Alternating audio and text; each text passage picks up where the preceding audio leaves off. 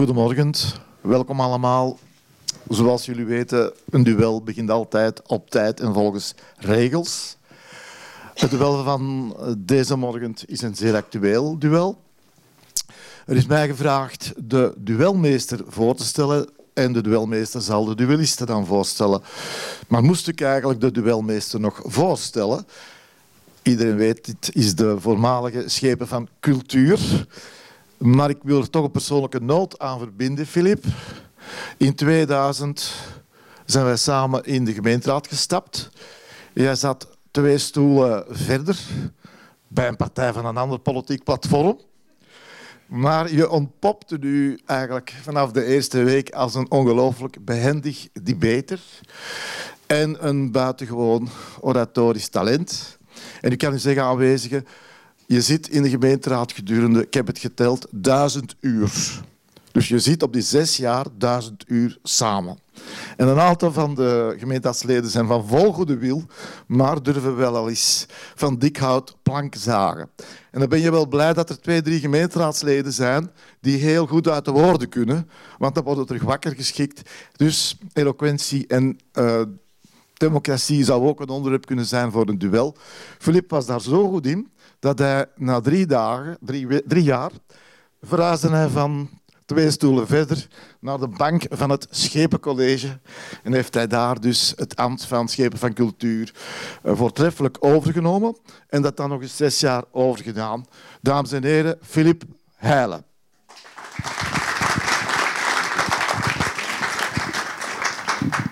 Dames en heren, Dames en heren, ook op mijn beurt een fantastische goede morgen. De zon schijnt, de lente is begonnen, het kan niet beter. Wij leven in woelige tijden en dan is het goed om in dit huis van vertrouwen te komen waar de geschiedenis om ons heen staat opgestapeld. Het is een duel, dus de twee duellisten hebben de handschoenen aangenomen. Ik leg ze hier op tafel. Um, ik ben de duelmeester, dus we gaan eerst een paar praktische afspraken maken. Het mag op leven en dood gaan. U doet wat u niet laten kan. Het is ten strengste verboden om ook op maar één enkele manier, u, maar ook u, degene die u meegebracht hebt, om zich te richten naar de duelmeester. Ik heb een aantal kornuiten hier verstopt en zij zullen direct in actie treden. Dat is het spijtige van uh, dit duel. Voor de rest is veel toegelaten. En dat is ook nodig, dames en heren, omdat we het gaan hebben over een fundamenteel onderwerp. Namelijk onze democratie. Bestaat die, bestaat die niet? Is die echt in gevaar? Of hebben we gewoon een oud systeem dat we van ons moeten afleggen? En is het eigenlijk beter om naar iets anders te gaan? Ik stel vandaag vast dat binnen Europa, ons Europa, momenteel 16 Europese lidstaten zijn die niet over een meerderheid beschikken in hun regering. De laatste die er is bijgekomen is eigenlijk Nederland. Je ziet een gigantische versnippering. Er was ooit een tijd dat je twee, drie partijen hadden die een stad of een land konden regeren gedurende decennia. Vandaag zijn we met heel veel. Zorg er ook voor, dames en heren. Ik mag het zeggen, u mag niet reageren. Dat is spijtig voor u, fijn voor mij. Maar u, wij allemaal, de kiezers, zijn zeer labiel geworden. We weten het eigenlijk niet. We willen vandaag die persoon of die partij, maar we willen eigenlijk binnen een jaar al iemand anders, want het gaat niet snel genoeg. Ik vraag me dan altijd af hoe die mensen die zo stemmen en denken hun eigen kinderen opvoeden. Dat brengt met zich mee dat we in een tijd lopen van wat we dan noemen polarisering Sommigen gaan verder en zeggen, het is nu wel echt de tijd van het populisme. Eén ding weet ik zelf zeer goed, en ik zal voor mezelf spreken. Het is de implosie, als het ware, van het centrum. De mensen van het midden hebben het moeilijk. Waarom? Het midden is niet meer. En nu we het daar toch over hebben, enkele voorbeelden als inleiding. Grote leiders van vandaag, en ik noem er enkele op, Donald Trump, Viktor Orban, Geert Wilders, Nigel Farage, Marine Le Pen, Philippe de Winter, Giuseppe Conte, Andrzej Duda enzovoort. En we moeten natuurlijk daar ook de heer Thierry Baudet bij plaatsen. Allen zijn ze gekozen door het volk op een democratische manier. Wat maakt het dat de wereld momenteel in de ban is van, mag ik ze toch zo omschrijven, eerder populistische politici, die wel één ding gemeen hebben. Zij willen de elite vervangen en willen het woord teruggeven aan het volk. Zij willen het beleid, het land, de staat teruggeven aan het volk, deze heren. We zien aan de andere kant dat er ook burgerbewegingen zijn, zoals de gele hesjes die in Frankrijk op straat komen, of de Anuna de Wevers en de Greta Thunbergs die met duizenden gaan spijbelen voor het klimaat. We zien hoe het volk zelf het woord neemt en beslist, duidelijk. Het referendum heet dat dan. De brexit, dan is het tenminste duidelijk. Of toch niet? Maar wat vooral belangrijk is, is dat u en ik dit allemaal meemaken in real time. Want we zijn, en ik vraag u dat dan ook nu om uw gsm's af te zetten, maar we zijn allemaal verslaafd aan onze smartphones. We leven het mee. De president van Amerika geeft een toespraak. Vroeger moest je twee dagen wachten tot we dat op de VRT zagen. Vandaag weten we het sneller dan wanneer Bjorn Soenens het ons nog eens komt vertellen. Met andere woorden, het gaat allemaal heel snel. En is dan onze democratie in gevaar? En hoe moeten we dan nog gaan beslissen? En kunnen onze ministers nog beslissen? Ik heb gemerkt dat in aanloop naar dit debat, en dat is een compliment voor de organisatoren, de Vlaamse regering vorige week vrijdag een belangrijke beslissing genomen heeft. Ze hebben namelijk die reserveparachute al opengetrokken met de installatie van een strategische toekomststraat. Die zal het nu gaan doen. Of misschien toch ook weer niet. En tenslotte, dames en heren, een vraag die u zelf maar moet beantwoorden.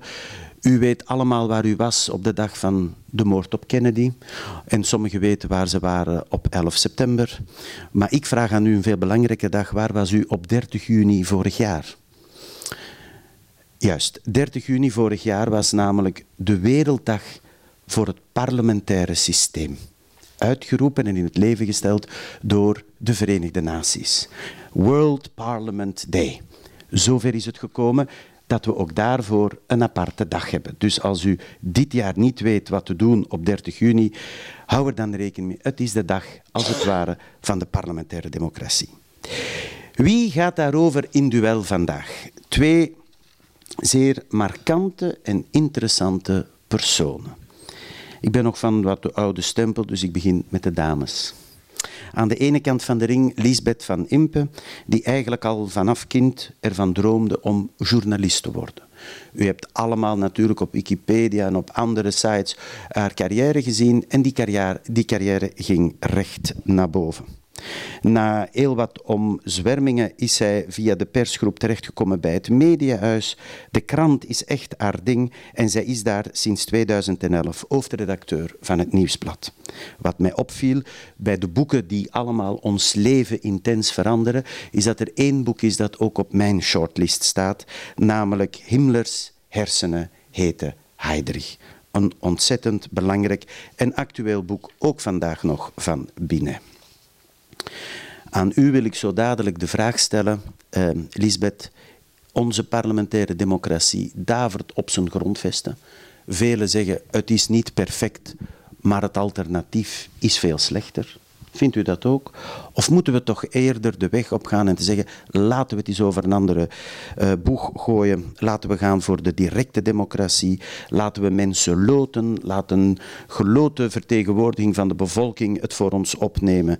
En kan je, als je daar voorstander van bent, mij misschien vertellen waar zij dan hun erkenning van halen en hoe legitiem zij zijn? Daarnaast, dames en heren, zit bij ons ook een minister aan tafel. De minister van Agitatie, Peter Terrein. En zoals in alle betere systemen heeft hij die titel zelf toegediend. Terwijl Lisbeth van Impe als 16-jarige meedeed aan opstelwedstrijden om met pen en woord te halen, was Peter al aan het demonstreren tegen de kerncentrale van Doel. Hij kwam in de jaren 90 in beeld, en daar kennen velen hem ook al van, uh, naar aanleiding van de aanslagen van het Animal Liberation Front, belandde even in voorechtenis, kwam daar sterker uit en is begonnen bij, die ik in het bijzonder wil verwelkomen vandaag, de toenmalige staatssecretaris voor ontwikkelingssamenwerking, Eddy Boutmans. Na een lange periode in de parlementaire gangen van anderhalve week, mocht hij daar eigenlijk vertrekken, omdat men het niet eens was met zijn meningen over het Koningshuis, buitenlandse staatshoven of omwille van een uitspraak over het onwaarschijnlijk esthetische schone dat hij zag in de aanslagen van 11 september. Peter, een vraag gewoon vooraf. U gaat straks nog, heb ik gezien, ik maak daar even publiciteit voor, betogen in Brussel. Ik heb gezien dat u dat doet met de slogan Er bestaat geen kapitalisme zonder racisme. Neemt u de auto of de trein? De trein. Ik heb geen rijbewijs, dus nee. ik neem altijd het, het openbaar vervoer. Het is alleen te hopen dat dat dan niet gesaboteerd wordt natuurlijk. En ik wil u zo dadelijk de vraag stellen of u aan mij iets meer kan vertellen over die titel van minister van Agitatie en wat u eigenlijk daarnaast nog allemaal doet. Bent u nu, om het in het hokjesdenken te doen van, deze, van dit land, bent u een werknemer, bent u een ambtenaar of bent u een zelfstandig? Maar dat is voor straks. Dames en heren, welkom bij dit duel. U mag nu even niets zeggen. U mag uw emoties eventueel tonen. Ik zal proberen om de duellisten zo goed mogelijk bij het duel te houden. Hun pijlen zijn gericht op zichzelf of op de tegenstander. Niemand anders in deze zaal. Goedemorgen nogmaals. Lisbeth, mag ik u het woord geven? De democratie, is in gevaar? Goed, een heleboel vragen. Um, ik vermoed dat op heel veel dingen gaan terugkomen, dus ik ga een sumier antwoord proberen geven. Dat is voor mij al een hele opgave. Zouden de democratie opnieuw uitvinden vandaag, met alles wat we vandaag weten? De opmerking die de duelmeester daarnet maakte. Um, ik ben niet zeker dat politici ja antwoorden. Democratie was gebaseerd op een toen we het ingevoerd hebben, op een uh, mensbeeld dat op zijn minst een beetje achterhaald is. Je ziet dat af en toe nog opduiken. Uh, democratie was bedoeld voor uh, rationele, geïnformeerde burgers die een eer en geweten, als het al geen stem voor het algemeen belang was, dan toch minstens in, in, in hun eigen belang zouden stemmen. En dat zou ons een helder beeld geven over wat mensen die zich ingelezen hebben, zich geïnformeerd hebben, rationeel besluiten als de beste koers voor de samenleving. Jonathan Haidt beschrijft het, dat mensbeeld een beetje als we weten wel dat er een grote olifant is. Dat zijn onze instincten, onze emoties, onze reflexen. Maar er zit een mannetje op die rug, de ratio, en die stuurt die olifant. Met wat de neurowetenschappen vandaag weten, kunnen we zeggen, die olifant gaat lekker waar hij heen wil gaan. Um, die is de baas. En dat mannetje op de rug, dat is degene die achteraf uitlegt waarom de olifant die richting uitgegaan is. En heel goed geworden is in daar heel rationeel klinkende verklaringen voor te geven. Onze grootst, grootste vorm van zelfbedrog is ons idee van onszelf als rationele wezens. En het zorgt ervoor dat ongeveer iedere verkiezingsavond politici naar de uitslag zitten te kijken en zich afvragen hoe komt het toch dat mensen zo gestemd hebben. Parlementaire democratie krijgt veel kritiek en nog niet in de eerste plaats van politici. Ze is te traag en tegelijk overlegt ze te weinig. Ze luistert niet naar de mensen en tegelijk zitten politici altijd maar naar de volgende peiling te kijken. Ze is te groot, het apparaat is te groot en tegelijk zou het nog veel meer moeten doen en veel meer problemen moeten oplossen. Politici zijn niet visionair en tegelijk de voeling met de werkelijkheid kwijt. Uh, ze moeien zich te veel en tegelijk moeten ze zich veel meer aantrekken. Ze doen te veel voor bedrijven, voor cultuur, voor noem maar op en tegelijk ook veel te weinig. Ze worden bevolkt door zakkenvullers die we allemaal zelf gekozen hebben. Velen voelen zich niet gehoord. Ik denk dat dat een constatatie vandaag is die we iedere keer opnieuw maken. Mensen voelen zich niet gehoord en niet vertegenwoordigd. En dan krijg je inderdaad de oplossingen. Moeten we geen referenda invoeren? Moeten we niet gaan loten? Moeten we niet veel meer burgerpanels gaan, op, uh, gaan oprichten? Ik ben geen grote voorstander, maar ook geen radicale tegenstander. Ik zit hier in het midden, vrees ik. Um, alleen ben ik altijd bang dat die oplossingen die naar voren geschoven worden, iets proberen op te lossen wat je niet kan oplossen en wat je in veel gevallen ook niet mag oplossen. Democratie hebben we nodig omdat we, net omdat we van mening verschillen. Grondig. Allemaal. Referenda lossen dat niet op. In de meeste gevallen constateren ze gewoon de verdeeldheid. Op dat vlak zal Brexit waarschijnlijk nog heel lang het schoolvoorbeeld zijn voor referenda. Als het een simpele vraag is, moet er een parkeerparking uh, komen op een of andere grote markt. En je hebt een uitslag van 80 tegen 20, dan weet je ongeveer wat je moet doen. Als een vraag groter en complexer wordt en een uitslag meer rond die 50-50 zit, wordt het alleen maar moeilijker om te interpreteren wat mensen net gewild hebben. Het risico dat ze achteraf het gevoel hebben dat ze opnieuw niet gehoord zijn, wordt bijzonder groot. Burgerparlementen en loting. Ik heb soms de indruk dat, daar, dat die gebaseerd zijn op een soort van illusie dat het die politici met hun machtspelletjes zijn die van mening verschillen en die nooit iets gedaan krijgen en die maar niet snappen wat de mensen willen. En dat als we maar eens allemaal rond een tafel gaan zitten, heel lang gaan discussiëren, dat we wel de oplossing gaan vinden waar iedereen kan gaan achterstaan. Dat er een soort van rationele consensus te vinden is als we er maar oprecht naar zoeken. Dat is natuurlijk onzin. Nogmaals, we hebben een democratie net omdat we niet overeenkomen, net omdat we van mening verschillen. Er is geen magische technische oplossing. Het is een beetje hetzelfde fantasma als de technocratische regeringen. Zo van als het geen politici zijn, dan gaan ze de rationele oplossing vinden die iedereen goed vindt. Nee, die bestaat niet. het is zelfs gevaarlijk om die illusie te koesteren de ongeorganiseerde bewegingen dan, de spontane bewegingen die opstaan, gele hesjes, Anuna de Wever, de klimaatbetogers, noem maar op, hebben zij de oplossing misschien in pacht. Eén, een democratie kan perfect om met dat soort ongeorganiseerde bewegingen en ook met een pak georganiseerde bewegingen. Het is net deel van het systeem dat je dat soort bewegingen krijgt. Alleen, als je de macht echt wil uitdagen, als je niet alleen ongenoegen wil uiten, maar ook echt iets wil veranderen, zal je uiteindelijk in iets structurelers, iets georganiseerders, iets fundamentelers moeten terechtkomen. De pure uitdrukking van emotie, onmacht, verontwaardiging en woede volstaat in ons systeem niet om iets te veranderen. Dus een structuur die toelaat dat ze zichzelf kan heruitvinden, die heel veel verschillende mensen aan het woord kan laten, die regelmatig evaluatiemomenten voorziet waar iedereen kan aan deelnemen, lijkt mij op dit moment nog altijd het beste systeem. We zitten nog altijd in de ellende van het is een slecht systeem, maar het is beter dan alle alternatieven. Wat mij betreft, en ik rond af, we hebben geen ander systeem nodig. We hebben een betere politici nodig. Misschien zelfs betere burgers en zo'n betere politieke cultuur.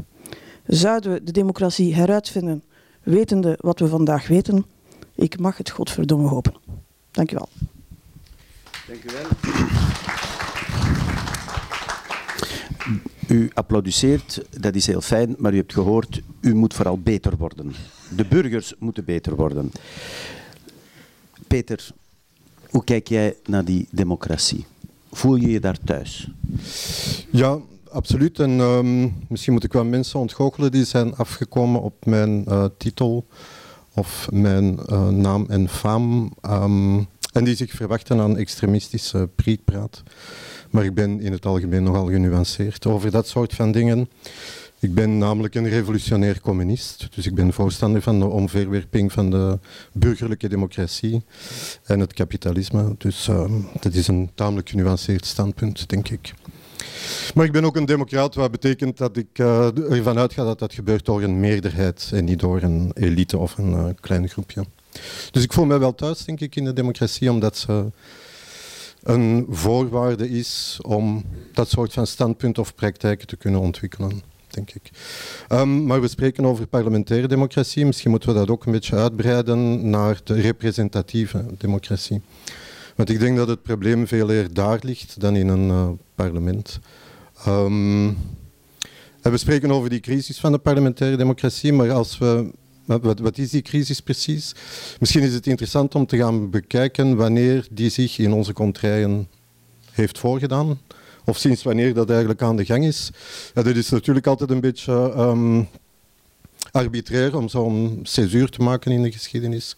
Maar ik denk toch aan 24 november 1991, de Zwarte Zondag, waarbij het Vlaams Blok um, van twee zetels naar twaalf ging en waar tot ieders verrassing ook de partij Rossum drie zetels haalde. Daar is een, uh, een dijkbreuk gebeurd en sindsdien gaat het van kwaad naar erger, niet alleen in ons land, maar ook in de ons omringende landen. Maar nog belangrijker dan eigenlijk te weten waar en wanneer is dat begonnen, is eigenlijk de vraag waarom is dat begonnen, waar komt dat vandaan?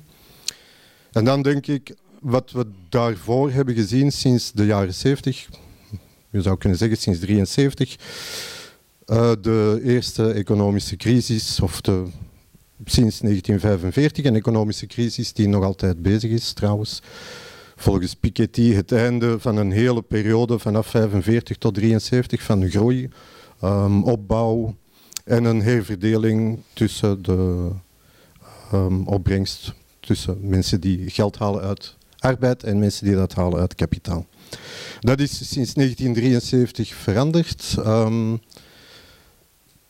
en niet alleen op economisch vlak, maar daar hebben we ook de politieke uitdrukkingen van gezien met mensen als Thatcher en Reagan en bij ons dichter bij huis Guy Verhofstadt. Margaret Thatcher die zei, there is no such thing as society. Ik denk als je dat als politiek dogma lanceert, moet je twintig of dertig jaar later niet verbaasd opkijken als blijkt dat die samenleving zich ook effectief aan het desintegreren is. Um, nu, het economisch beleid is op, vanaf dat moment eigenlijk, denk ik, het einde van de welvaartsstaat. Hè. Uh, men begint de bezuinigingen, men begint de afbraak. De regeling rond pensioenen verandert, rond uh, werkloosheidsuitkeringen. Dat is het begin van het einde en ik denk dat daarmee ook de representatieve burgerlijke democratie, die daar de, politieke uitdrukking van is, ook zijn functie een beetje verliest. Um, nu, ik denk die burgerlijke democratie is in tegenstelling tot wat Fukuyama zei niet het einde van de geschiedenis. Het is waarschijnlijk ook niet eens het hoogtepunt van de democratie. Het is misschien niet eens het meest democratische systeem. Maar er zijn toch een aantal bijzonder belangrijke dingen. Um, ja, ik heb iets voorbereid, dus ik ga even overlopen. Er zijn een aantal bijzonder belangrijke dingen, denk ik, als we het over democratie hebben, een aantal punten. Democratie impliceert bijvoorbeeld soevereiniteit. Dat is een eerste punt, denk ik. Nazistaten zijn uh, op dit moment aan het desintegreren. Dat is een belangrijk punt als je wil weten waar die soevereiniteit vandaan komt. Politieke democratie kan niet bestaan zonder economische democratie. Een ander punt is, democratie is meer dan de formele structuren, meer dan de verkiezingen. Ook belangrijk, democratie vergt permanente betrokkenheid van een geïnformeerde bevolking. De liberale representatieve democratie is niet het NIC plus ultra, er zijn andere systemen mogelijk. En het in vraag stellen van de status quo is niet antidemocratisch. Nu, ik heb al die puntjes afzonderlijk uitgewerkt, maar ik denk dat de eerste bedenking de meest cruciale is. Democratie impliceert soevereiniteit. Um, als dat gaat over volkssoevereiniteit. Het is het volk dat moet kunnen beslissen. Als dat niet kan, is er van democratie geen sprake. Ik denk dat die soevereiniteit vandaag op allerlei manieren geërodeerd wordt. Je hebt de onmacht van de politiek ten opzichte van bedrijven als Google of Amazon, Facebook. Um, niet alleen betalen die bedrijven nauwelijks belastingen, ze verzamelen ook onvoorstelbaar veel informatie over ons en hebben dus bijzonder veel macht.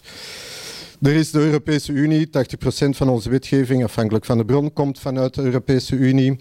Onder het mom van richtlijnen die worden opgesteld door een Europese Commissie die eigenlijk geen uh, democratische legitimiteit heeft. Er zijn vrijhandelsverdragen die niet alleen worden bedisseld in achterkamers in het geheim. Bij die vrijhandelsverdragen behoort ook een uh, een uh, eh, ISDS, Investor State Dispute Settlement. Het is een soort van rechtbank waarbij multinationals een staat kunnen aanklagen als die een wetgeving maakt die ingaat tegen vrijhandelsverdragen. Er werpt een hypotheek op bijvoorbeeld alle soorten van ecologische of sociale wetgeving en op uh, mensenrechten die we zouden kunnen... Peter, we gaan... We, ik heb nog twee puntjes, ja, denk ja, ik, die, die, en dan is de essentie samengevat. Um, er, is de, er, zijn, er is de Verenigde Staten en de NATO, waar wij horig aan zijn. Hè. Dat blijkt uit de plaatsing van de kernraketten, die ook nog in kleine brogen liggen, of artikel 5. En er zijn natuurlijk begrotingsregels, die zijn vastgelegd in het verdrag van Maastricht. En daarop volgende begrotingsregels die maken dat wij eigenlijk geen eigen economisch en sociaal beleid kunnen voeren. Dat is het meest duidelijk geworden in het verhaal van Griekenland met de regering Syriza die specifiek op dat programma is gekozen, maar toch door de knieën is gegaan. Maar het wordt ook in eigen land duidelijk, bijvoorbeeld door uh, Gent, waar het OCMW van Gent gronden verkoopt om een aantal sociale voorzieningen te kunnen bouwen. Omdat die investeringen die Gent wil doen, die het OCMW wil doen, moeten afgeschreven worden op één jaar. Voilà. Dus dat zijn een aantal punten hebben, die maken, denk ik, dat de democratie uh, ja, in wat gevaar we, is. Wat we horen is aan de ene kant, we hebben eigenlijk een betere democratie nodig. Het systeem als dusdanig is nodig. Er is een structuur nodig. Er zijn regels nodig. Die regels die dienen juist om ieder zijn mening zo goed mogelijk te kunnen structureren en om daaruit conclusies te trekken. Het zou goed zijn mochten diegenen die in die arena staan, de kiezers en de verkozenen daar meer aandacht aan hebben. Aan de andere kant hebt u een aantal opmerkingen gegeven in brede zin, sociaal, economisch, institutioneel. Maar ik wil toch nog even bij u uh, aankloppen. Als u nu morgen het voor het zeggen zou hebben, op een democratisch verkozen manier, u hebt het voor het zeggen, wat zou u dan veranderen? U hebt alles van alles opgenoemd, maar wat moet er veranderen? U hebt voorbeelden gegeven die slecht zijn. Kunt u mij dan voorbeelden geven waar u zegt, daar op dit moment, dat is mijn voorbeeld, daar werkt het goed? Als ik het morgen voor het zeggen zou hebben, dan zou ik op vakantie gaan, denk ik. En dan zou ik iets helemaal anders doen, want dan is natuurlijk heel dat proces... Dat is heel kapitalistisch. Afgelopen. Nee, ik denk ook in een communistisch land gingen de mensen af en toe wel eens op vakantie. Als ze buiten mochten? Die hebben dat trouwens uitgevonden, hè? Als ze buiten mochten? Nee, ik denk dat, uh, enfin, okay. ik denk dat de communisten vakantie hebben uitgevonden. Maar geeft u me nu eens een voorbeeld. Wat is nu voor u het, het, het, het mooie voorbeeld om te zeggen, wel, kijk daar nu eens, mevrouw, mijn heren politici, kijk daar nu eens naartoe. Dat, doe het toch op die manier. Het is toch niet moeilijk? Nee, ik denk niet dat je dat soort van eenvoudige antwoorden op tafel kan leggen, omdat de oplossing niet komt vanuit een of ander individu. Ik denk dat het de dynamiek is van groepen die oplossingen naar voren schuift. Um, ik ben natuurlijk een revolutionair omdat ik aan de ene kant denk dat ze onvermijdelijk en noodzakelijk is, maar ook omdat als je de geschiedenis bekijkt van revoluties, dan zie je dat die allemaal geleid hebben tot enorme sprongen voorwaarts voor de bevolking, voor de levensverwachting. Ge geef nu zo concrete voorbeelden, Peter. Um, in de Sovjet-Unie steeg de levensverwachting van 1917 tot 1968 Um, van, ik denk dat ze 47 jaar was in 17 en op gelijke tred met de Verenigde Staten in 1968. En dat geldt voor Cuba, dat geldt voor China. Uh, de kindersterfte stopt, analfabetisme wordt uitgerooid. Um, en mensen, levensverwachting stijgt daar. daar liefst? Kom je daar vaak? Nee. Ben je daar al eens geweest? Uh, in de Sovjet-Unie, ja. ja. bijvoorbeeld. Ja. Voor de muur en na de muur? Ja. En je vindt nog altijd dat dat de levenskwaliteit van de mensen daar, niet alleen in Moskou en Leningrad, uh, sorry, Sint-Petersburg, maar dat dat goed gaat? Um, nee, ik denk sinds de val van de Sovjet-Unie is, is de levensverwachting... Daarvoor was het goed? Um, Nee, ik denk niet dat er een samenleving bestaat waarvan je kan zeggen het is goed, dit is een paradijs. Dat bestaat niet. Ik denk dat dit... Het zijn processen, okay. maar ik wil toch graag antwoorden Nee, maar ik ga nu eventjes het woord geven maar u stelt aan... me een vraag, ik wil dat ja, toch graag maar antwoorden. U hebt de kans gehad, u hebt de cursus al toegelicht. Ik ga nu eventjes naar mevrouw Van Impe, ik kom dadelijk bij u terug. Ja, goed. Die levensverwachting, klopt, hè, is omhoog gegaan, behalve als je tegen de schenen van Stalin stampte, en dat gebeurde nogal rap. Um, dat is natuurlijk een van de dingen. Een, een, een, rechtsstaat lijkt mij ook, dat heeft geen onmiddellijke impact op je levensverwachting, maar het lijkt me toch een veiliger manier van leven. Um, goed, ik wou het eigenlijk hebben, want, want het is een interessant punt wat je aanhaalt, maar ik vind het tegelijk vandaag een van de meest gecompliceerde. En het komt overal terug, ter rechterzijde, ter linkerzijde. Hoe zit het met die soevereiniteit? Je voelt, we worstelen daar gigantisch mee. Um, jij zegt volkssoevereiniteit. Het volk moet zijn wil kunnen opleggen, moet zijn, moet zijn, de wil van het volk moet een, een, een doorslaggevende stem kunnen zijn, moet kunnen beslissen. Heb ja, dat juist is de basis van elke ja. democratie. Ja, ik zeg de basis van elke democratie is dat de wil van het volk niet bestaat. Democratie is een vrij efficiënte manier om iedere keer opnieuw op verkiezingszondag te constateren dat het volk niet bestaat. Het valt ineen, uiteen in 15% liberalen en 15% socialisten en straks 18% groenen. En, en, en, en, en wat, wat is het tegenwoordig? 33% in VR's. Dus wij zijn, op dat vlak ben ik een groot aanhanger van Claude Lefort, die zei van ja, er is één moment waarop wij het volk zijn. En dat is op het moment dat we naar de stembus trekken. Dat doen we allemaal samen. Op dat moment is de macht leeg, moet ze terug ingevuld worden. Op dat moment zijn wij het volk. Vanaf dat de tweede stem geteld is, zijn we als volk alweer uiteen aan het vallen. En Claude Lefort was een van degenen die doorhad dat de Franse politieke filosofen, die dweepten met China, eerst, eerst met Rus Rusland, de Sovjet-Unie, daarna met China, eigenlijk op veel punten een, een zeker onvermogen hadden om de democratie echt te denken. Om echt met die verscheidenheid, die verdeeldheid van het volk, die simpele constatatie dat het volk niet bestaat en nooit zal bestaan uit vrije wil, dat ze daar niet juist mee om kunnen. Dus ik vind het gek om te zeggen dat je. Ik vind het perfect legitiem wat je zegt. Hè. Ik, maar zeggen ik ben een democraat en een revolutionaire communist, voor mij sluiten die elkaar uit. Ja, je kan op democratische wijze naar een niet-democratisch systeem gaan. Dat is een van de grote angsten die er vandaag bestaat bij bepaalde totalitaire figuren die democratisch verkozen zijn, democratisch herverkozen worden, heel veel steun krijgen vanuit een democratie, maar geleidelijk aan die democratie kunnen uithollen. Het eindpunt is wel geen democratie meer. Je kan daarvoor kiezen. Als daar een grote hoeveelheid mensen voor kiezen, mij goed. Maar het is mijn keuze niet, omdat ik denk dat de democratie het systeem is dat garandeert dat het meest verschillend, verschillende soorten mensen naast elkaar kunnen bestaan. Maar goed, die soevereiniteit, wat is die? Is dat de nationale soevereiniteit, die is duidelijk aan het afbrokkelen. Volkssoevereiniteit, het volk bestaat niet, dus moeilijk concept. Als we zeggen van uh, macht zit niet alleen bij politiek, ze zit ook bij economie. En ze zit misschien zelfs veel meer bij economische instanties en de, de, de corporate giants die vandaag uh, wereldwijd bestaan, ja, dan voel je dat als je daar iets als politiek daar een check moet op zijn, dat die zich op een groter niveau gaat moeten gaan organiseren. Verder van mensen geeft meteen problemen oprechte, terechte bemerkingen over democratische legitimiteit. Soevereiniteit is vooral iets wat we vandaag niet meer met één slogan, één oplossing kunnen oplossen. En de politici die daarop verkozen worden, die zitten vaak aan de kant die vooral heel veel soevereiniteit voor zichzelf gaat geven. Dan zitten we bij de Thierry Baudet en dergelijke.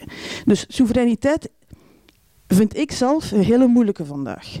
Want het klopt, het moet soevereiniteit zijn waarop je die democratische, democratische macht uh, gelegitimeerd gaat laten steunen. Maar wat is die soevereiniteit bij jou dan? Wat, wat is dat dan? De wil van het volk. Hoe ga je die kennen? En hoe zou die kunnen bestaan? Um, ja, ik denk dat de, als je zegt het volk bestaat niet, ik ben het daarmee eens. Hè. Je hebt aan de ene kant het werkvolk, de arbeidersklasse. Aan de Zelfs het werkvolk bestaat niet. Jawel, het drukt zich niet allemaal op dezelfde manier uit, maar dat betekent niet dat het niet bestaat. Hè. Het is niet omdat een groep mensen zich op een andere manier... niet als groep die allemaal hetzelfde willen. Dat bestaat niet, dat is het niet. ze hebben ook niet allemaal dezelfde mening, dat is duidelijk. Maar dat betekent niet dat ze niet bestaan. Maar ik, het probleem dat ik stel is de bijvoorbeeld... De volkswil bestaat niet. Het volk bestaat natuurlijk wel. We zitten hier samen. Ja, oké. De volkswil bestaat niet, sorry. Hij verandert de hele tijd. Wat ik denk dat dat is een van de evoluties die we hebben gezien de, sinds 1970, maar vooral eh, in 1991, waarbij een kiespubliek dat traditioneel vaak gedurende generaties uh, voor dezelfde partij stemde, volledig in die, uh, ook de vakbond of de, de ziekenkas of de fanfare of de jeugdbeweging, de school, opgroeide in een specifieke zuil. Dat is wat is veranderd. En daardoor komt het grote spectrum aan politieke partijen, daardoor komt de volatiliteit bij de kiezers en daardoor komt ook een beetje dat klassieke model van onze uh, consensus-samenleving in het gedrang, omdat het veel moeilijker wordt om dat soort van coalities af te sluiten, omdat je met veel meer partners moet rekening houden. We hebben dat in Antwerpen een aantal keer gezien, monstercoalities, waarbij alleen nog maar het uh, Vlaams Belang in de oppositie zat. Dat is natuurlijk, denk ik, men, uh, uh, schadelijk voor de, voor de democratie. Mag ik daarop denk ingaan? Ik. ik vind het heel boeiend, maar u haalde daarnet als voorbeeld aan de Sovjet-Unie en dergelijke meer. Daar was één partij en het volk vond die partij heel goed en zij stemde bij elke verkiezing dan ook massaal voor die partij. Was dat dan beter? Nee, ik denk dat dat een valse dichotomie is. Hè. Um, ik ga het systeem in de Sovjet-Unie of China of Cuba niet klakkeloos verdedigen. Moest ik daar uh, aan politiek bedrijven, moest ik daar geboren zijn, dan werd ik daar waarschijnlijk wel veroordeeld uh, tot uh, gevangenisstraf wegens het drukken van een zeefdruk of zo, hè, in dat soort van landen. Of erger. of erger, maar ik vind uh, veroordeeld worden tot zes maanden gevangenis voor het uitgeven van een zeefdruk al tamelijk erg. En in dat soort van landen, dictaturen, zou dat waarschijnlijk wel gebeuren. Dus ik ga die landen of dat politiek systeem niet op zich klakkeloos zomaar verdedigen. Daar is bijzonder veel kritiek op te geven. Die kritiek deel ik meestal ook wel.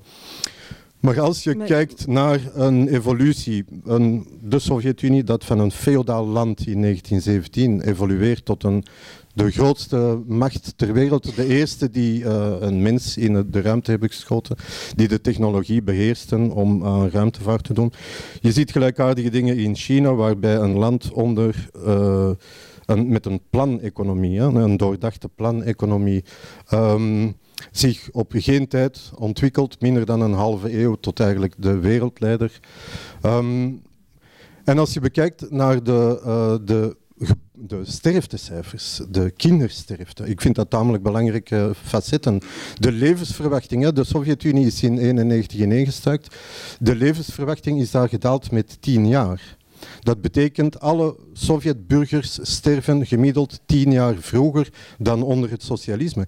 Ik heb geen enkel ander argument nodig om het ene systeem te verkiezen boven het andere. Ik wil toch even bij, bij Lisbeth komen. Um, de Sovjet-Unie, um, of het huidige Rusland, zal ik het dan zomaar noemen, eh, heel mooi goede omstandigheden. China, voorbeeld van uiteindelijk het kapitalistische China van vandaag. Want dat nee, is het, is ten gronde niet kapitalistisch. Uh, het is niet kapitalistisch, het is ook niet communistisch, het is iets in het midden. Er is toekomst voor het midden, mevrouw Van Impe. Uh, China is, een, is in die zin zeer interessant, omdat ze... er is lang gezegd en het, het, is compleet onzin, maar het is wel lang gezegd. Um, democratie, kapitalisme, dat zijn tweelingbroers. Ik bedoel, je kan het een eigenlijk niet zonder het ander hebben en dan krijg je zo die term de liberale democratie. Uh, Chantal Mouffe heeft mooi aangeduid dat vrijheid, gelijkheid, broederlijkheid, vrijheid en gelijkheid, dat botst de helft van de tijd. Meer vrijheid is doorgaans meer ongelijkheid, meer gelijkheid is doorgaans minder vrijheid. Ja? Opnieuw, er zit spanning in een democratie die je niet noodzakelijk moet willen oplossen. Je moet gewoon erkennen dat die spanning er is en dat je, dat, dat een creatieve spanning is. Goed. China is interessant omdat ze... Het is niet meer het China van Mao, hè. Het is zelfs ook niet meer het China van Deng Xiaoping. Vandaag is het, is het China dat een experiment aan het doen is om een staatsgeleide kapitalistische economie zonder rechtsstaat en zonder democratie te installeren. En dat blijkt succesvol te zijn. Kijk eens aan, het kapitalisme heeft geen democratie nodig. Ja? De Chinese, China heeft vandaag bijzonder weinig nog met communisme te maken in zijn traditionele dogmatische leer.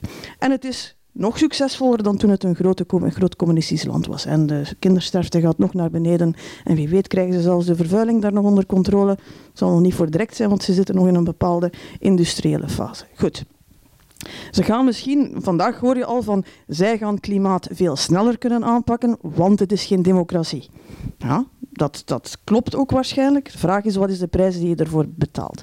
Dus vandaag zitten we in een, in een situatie waarbij inderdaad Fukuyama terecht tegengesproken is. De liberale democratie, want dat was Fukuyama als eindpunt van de evolutie, het toppunt, bijna Hegeliaans. We staan bovenaan de berg, we kijken naar beneden en al de rest gaat gewoon proberen ook naar diezelfde top te klimmen. Misschien dat de wereld het twee, drie jaar geloofd heeft en daarna zijn een aantal Russische, Chinese uh, leiders, en, en noem er nog maar een paar op, gezegd van wij gaan toch iets anders proberen. Wij gaan proberen ze zijn allemaal min of meer overtuigd geraakt van een, een, een vrij kapitalistisch systeem met amendementen en met een aantal uh, staatselementen die kunnen verschillen van, van land tot land. Maar vooral, ze hebben beslist dat ze geen democratieën hoeven te zijn en ook niet hoeven te worden. Dat is de, uh, de, de grootste tegenspraak van Fukuyama, de grootste tegenspraak van de verwachting die we op het puin van de Berlijnse muur uh, met z'n allen gekoesterd hebben. Uh, goed, uh, ik ben nu aan het denken, waar, waar, ga ik nu in hemelsnaam naartoe? Waarbij dat ik dus zeg van Misschien ja... wil ik daar toch ja. op antwoorden, want de, de, het wordt hier een beetje voorgesteld alsof de Russische revolutie of de Chinese of de Cubaanse of dat soort van revoluties um, een aanval zijn op uh, de burgerlijke democratie. Ja, Terwijl tuurlijk. die democratie Ja, natuurlijk tuurlijk. tot volstrekt onbestaande was in Ja, Rusland. dat klopt. Die was onbestaande in. China. Absoluut. Die was onbestaande in Cuba. En wat wij hier aan democratie hebben opgebouwd, is niet het resultaat van de eh, goedmoedigheid van de burgerij of van de adel. Het is afgedwongen door acties op straat. Letterlijk. Ja. Ik zou, het is een boetade een beetje, maar onze democratie is de, is de stiefdochter van straatgeweld. Ze is niet gerealiseerd in het parlement, ze is op straat afgevochten en op die manier is ze in het parlement maar je kan, terechtgekomen. je kan ze nooit... Algemeen enkelvoudig stemrecht ze, is bevochten in Borgerhout met doden op straat. En daarna het vrouwenstemrecht en noem maar op. Eh, ja, maar was het bij het straatgeweld gebleven, dan waren we nergens geraakt. Het straat... Kijk naar de hypothese, Kijk, nee, nee, kijk naar de Franse Revolutie, die vervolgens door zeven fa- fases gegaan zijn in zeven jaar. En dan nog eens een honderd jaar al die fases nog eens opnieuw gedaan. Oké, mag ik... Inclusief keizerrijken en eh, constitutionele monarchieën en noem maar op. Dat is een heel langzaam... Dat is, dat is alles behalve een revolutionair proces. Dat is een proces dat heel geleidelijk gegaan is, bij tijden gedragen door straatprotest om te beginnen. De suffragettes hebben dat met niet waanzinnig veel geweld gedaan. Het algemeen stemrecht heeft, heeft vooral was vooral een breed gedragen arbeidersbeweging eh, die op straat gekomen is. Eh, het, het, het geweld, het moment, ik snap het, hè, je kan er een film van maken. Dus het moment waar de mensen op straat komen en, en, en je kan dat zien en je kan het zien gebeuren. Feit is dat heel veel straatgeweld finaal op het einde nergens naar geleid heeft. Als het niet op een bepaald moment in een proces ik, wordt. mag ik, we, we gaan het niet alleen bij de geschiedenis houden. Als u daar meer over wilt weten, nodig ik u uit om naar deze prachtige plek te komen. De boeken hier. Kunnen u daar veel meer over vertellen? En zijn dikwijls geschreven in tijden dat het moeilijk was. Dus als u daar behoefte aan hebt, kom terug. Dan leest u het van diegenen die het hebben meegemaakt. Laten we nu teruggaan naar onze tijd. Ik wil het daarover hebben eigenlijk. En niet over En, en, en hoe dat die eh, de macht van de landbouw eh, naar zich getrokken heeft en, en, en de boeren heeft willen breken omdat hij te veel macht had. Dat is allemaal goed en wel. Ik leef in de 21ste eeuw. Wij leven in de 21ste eeuw. Dus aan u nu, eh, en daar zou ik het willen bij houden, bij de les blijven, om te kijken wat gaan wij nu doen. En ik neem een concreet voorbeeld. Dat zijn inderdaad die vele geëngageerde jongeren die op straat komen en die een boodschap hebben. En die boodschap is: doe iets aan het milieu. Eh, ik, het is met enige schroom wat ik nu ga zeggen, maar ik heb, zoals de collega gezegd heeft, ook een tijdje deel uitgemaakt van de democratie was verkozen. Ehm, hoe wil je dat vandaag politici? Moedige beslissingen durven nemen, zoals het volk, als ik het zo mag zeggen, vraagt. Dan moet je als politicus toch ook durven toegeven, of dan moeten jullie toch ook durven toegeven dat die politici soms tegen de meute moeten ingaan om moedige beslissingen te nemen. Want, zoals Lisbeth zei, niemand is het over alles of over iets met z'n allen eens. Dus soms moeten politici zeggen, ik heb naar u geluisterd, ik heb naar u geluisterd. Wij denken in het algemeen belang, dat moet genomen worden. Carrément, grote zekerheid, een deel zal het niet goed vinden. En die politici moeten dan vooral die moedige beslissingen nemen met de bedoeling om korte tijd nadien terug verkozen te worden. Want op twee jaar tijd of op drie jaar tijd kun je het niet doen, kun je het niet afmaken. Wij gaan ook niet op vier jaar uh, of op drie jaar kunnen leren lezen, schrijven, universitair diploma halen. Je hebt wat tijd nodig. Hoe ga Misschien, je ermee om? Het is interessant dat je zegt, politici moeten de moed hebben om tegen de meute in te gaan. Het is altijd interessant als mensen... Uh, heb ik niet gezegd. Jawel, letterlijk nee, de ik meute. heb gezegd, politici moeten soms een beslissing nemen die tegen de meute Voilà. ingaat. Maar het is altijd interessant in een debat over democratie als uh, het volk wordt omschreven als de meute waar tegen ingegaan moet worden. Ik denk het probleem is structureel. Je kan uh, de klimaatjongeren niet verwijten dat zij geen oplossingen hebben. En inderdaad, politici zijn gedwongen om zich te conformeren naar de volgende verkiezingen waar ze niet verkozen worden op basis van hun programma. Dat is denk ik ondertussen wel duidelijk. De grootste succesvolle partijen of politici hebben helemaal geen programma zoals Thierry Baudet. Of ze hebben een programma dat radicaal ingaat tegen de, belangen van hun kiezers. Zoals uh, in de Verenigde Staten of in Brazilië is duidelijk geworden. Dus ik denk dat je de, aan dat probleem niet kan verhelpen als je niets doet aan die politieke structuren waarbij politici in de markt worden gezet als een product, als een wasproduct, waar het een popwedstrijd is, een idolenwedstrijd, waar uh, de politicus die het best inspeelt op de meest lage emoties van de bevolking een groot deel van de stemmen haalt. Zeg eens hoe het u, u sorry dat ik dat nu zeg, maar je haalt altijd aan wat slecht is en waarom het niet goed is. Zeg nu eens gewoon, en ik wil je daar de tijd voor geven, dat zou wereldschokkend nieuws zijn. Zeg nu eens gewoon concreet, wat moet er nu veranderen? Nee, zo wereldschokkend is dat niet. Enfin, ja, het zal de wereld schokken, maar het is niet nieuw. En dus het is?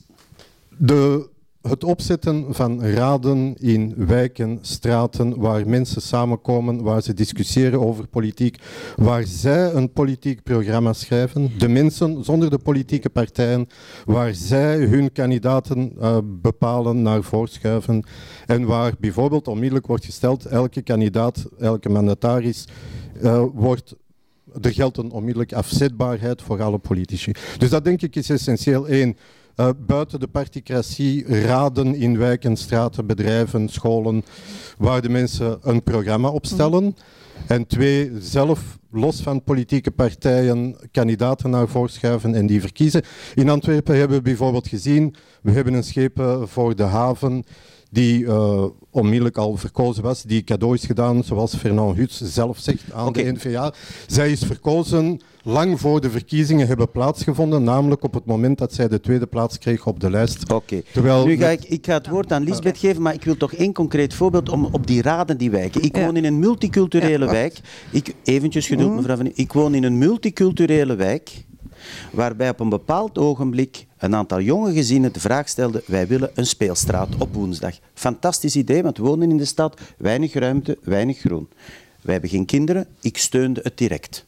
De andere helft van de straat vond dat niet leuk, want er was een belangrijke straat, de Jozef de Bomstraat om ze niet te noemen, die als die gesloten is, om dan de tour te doen van de Mechelse Steenweg en de Lange Lausanne-straat, dat is werkelijk om ellende vraag. Dus laat ons ergens anders die speelstraat doen. Twee straten verder, waar een pleintje is. Er is een wijkcomité. De ene helft zei het ene, de andere zegt het helft. Peter, wie beslist? Ik denk dat dat een lang proces is. Hè? Maar, de, ja, maar die kinderen worden wel groot. Mevrouw uh, Van Impe. Eén. Eén, de, de wijkraad, ik ben niet tegen wijkraden en noem maar op, maar we, daar zijn intussen voldoende experimenten mee gebeurd om te weten dat die meteen ook op hun eigen grenzen botsen. Is deelname verplicht? Ik ga ervan uit van niet. Want, al ja, bedoel, Anders gaan we iedereen democratisch huiswerk geven, één avond in de week. Ik weet niet of dat, dat de democratie veel populairder gaat maken, maar goed. Deel, deelname niet verplicht. Dan merk je meteen dat er een eerste tweedeling gebeurt van iedereen die denkt van jongens, ik heb beter dingen te doen. Twee, zet het samen. Je gaat meteen zien dat die consensus niet miraculeus tot stand komt. Dat mensen blijven van mening, van belangen, van inzichten, van prioriteiten verschillen. Dus op dat vlak meer democratische praktijk kan ik mij voorstellen, alleen al die ervaring dat die consensus niet bestaat, kan misschien al een heel leerrijke ervaring zijn. Maar denken dat dat een magic bullet is, ik denk het niet. Twee, omdat het altijd weer op dat foute basisidee rust van het volk. Als je maar genoeg luistert en als ze maar genoeg rationeel zijn, dan komen ze wel tot de juiste oplossing. Eén hebben. Twee, um, wat, wat, wat er volgens mij moet gebeuren, om uh, een aantal dingen uh, beter te, te, te, laten marcheren, is we zouden die democratie, waar we allemaal zo hoog over opgeven, misschien best wel eens wat uh, ernstiger kunnen beginnen nemen. Um, als je de grondwet bekijkt, dan ga je zien dat de belangrijkste instelling die we zogezegd hebben, het parlement is. Het staat in de grondwet, hè? Parlement, hè? Daar begint en eindigt alles mee. Ja? er is geen... Um, instelling waarvan de politiek de irrelevantie zo doorgedreven en verregaand georganiseerd heeft als die van het parlement. En ze hebben dat zelf gedaan. Ze hebben dat helemaal zelf gedaan en ik zei altijd, de regel in de politiek is, een vergadering is belangrijker naarmate er minder volk binnen mag. In het parlement mag iedereen binnen. Dat zegt meteen hoe belangrijk dat parlement is. Ja. Dus we zijn daar, uh, we hebben daar een parlement dat zou moeten controleren dat wetgevend zou moeten zijn. De essentie van wat we aan het doen zijn met verkozen die autonoom zijn, die eigenaar zijn van hun eigen mandaat. Allemaal dingen die je aan de gemiddelde parlementair eigenlijk zou moeten gaan uitleggen. Want die weet dat niet. Die denkt dat dat zeteltje van zijn partij is en dat hij vooral goed moet kijken op het lijstje van wat dat de partij zegt dat hij mag stemmen. Twee, um, drie zit ik intussen aan. Ik zou er soms voor pleiten dat politici um, iets minder naar de mensen zouden luisteren. Voordat ik hier een staatsgreep ga plegen, uh, wil ik mij verduidelijken. Um, politiek bestaat uit twee heel verschillende stilen. Je hebt um, politiek en politics. De, de Engelsen zeggen politics en policy. Ja? Je hebt het stuk waarbij je mensen overtuigt van wat je wil doen. Waarbij dat je een visie probeert te ontwikkelen, mensen overtuigt in een campagne. Dat is de popol. En voor een stuk hebben we die ook nodig. Als je aan een, bij een breed publiek wil gaan polsen wat ze belangrijk vinden, wie ze vertrouwen, wie ze geloven, waar ze achter staan, welke richting het uitgaat, dan heb je die fase nodig waarbij je gaat zeggen wat je wil doen, hoe je het wil doen, wie dat je het gaat laten doen. Dat is uw campagne. Een keer dat de verkiezingen voorbij gaan, zou het aandachtspunt moeten verschuiven naar policy. Wat gaan we nu doen? Beleid. Eerste compromis dat politici sluiten is niet met elkaar, maar met de realiteit. Er is altijd te weinig geld, altijd te weinig tijd, altijd te weinig draagvlak. Ja. Wat hebben we nu gezien? Jij zei van 24 november 1991, zo ongeveer mijn politieke awakening. Ik was 14, dus mijn idee daarvan kan wat gekleurd zijn, want ik was nog jong. Maar goed. Um, wat, wat, wat, wat, zien we ervoor? Was het, lag de hoofdtoon bij policy.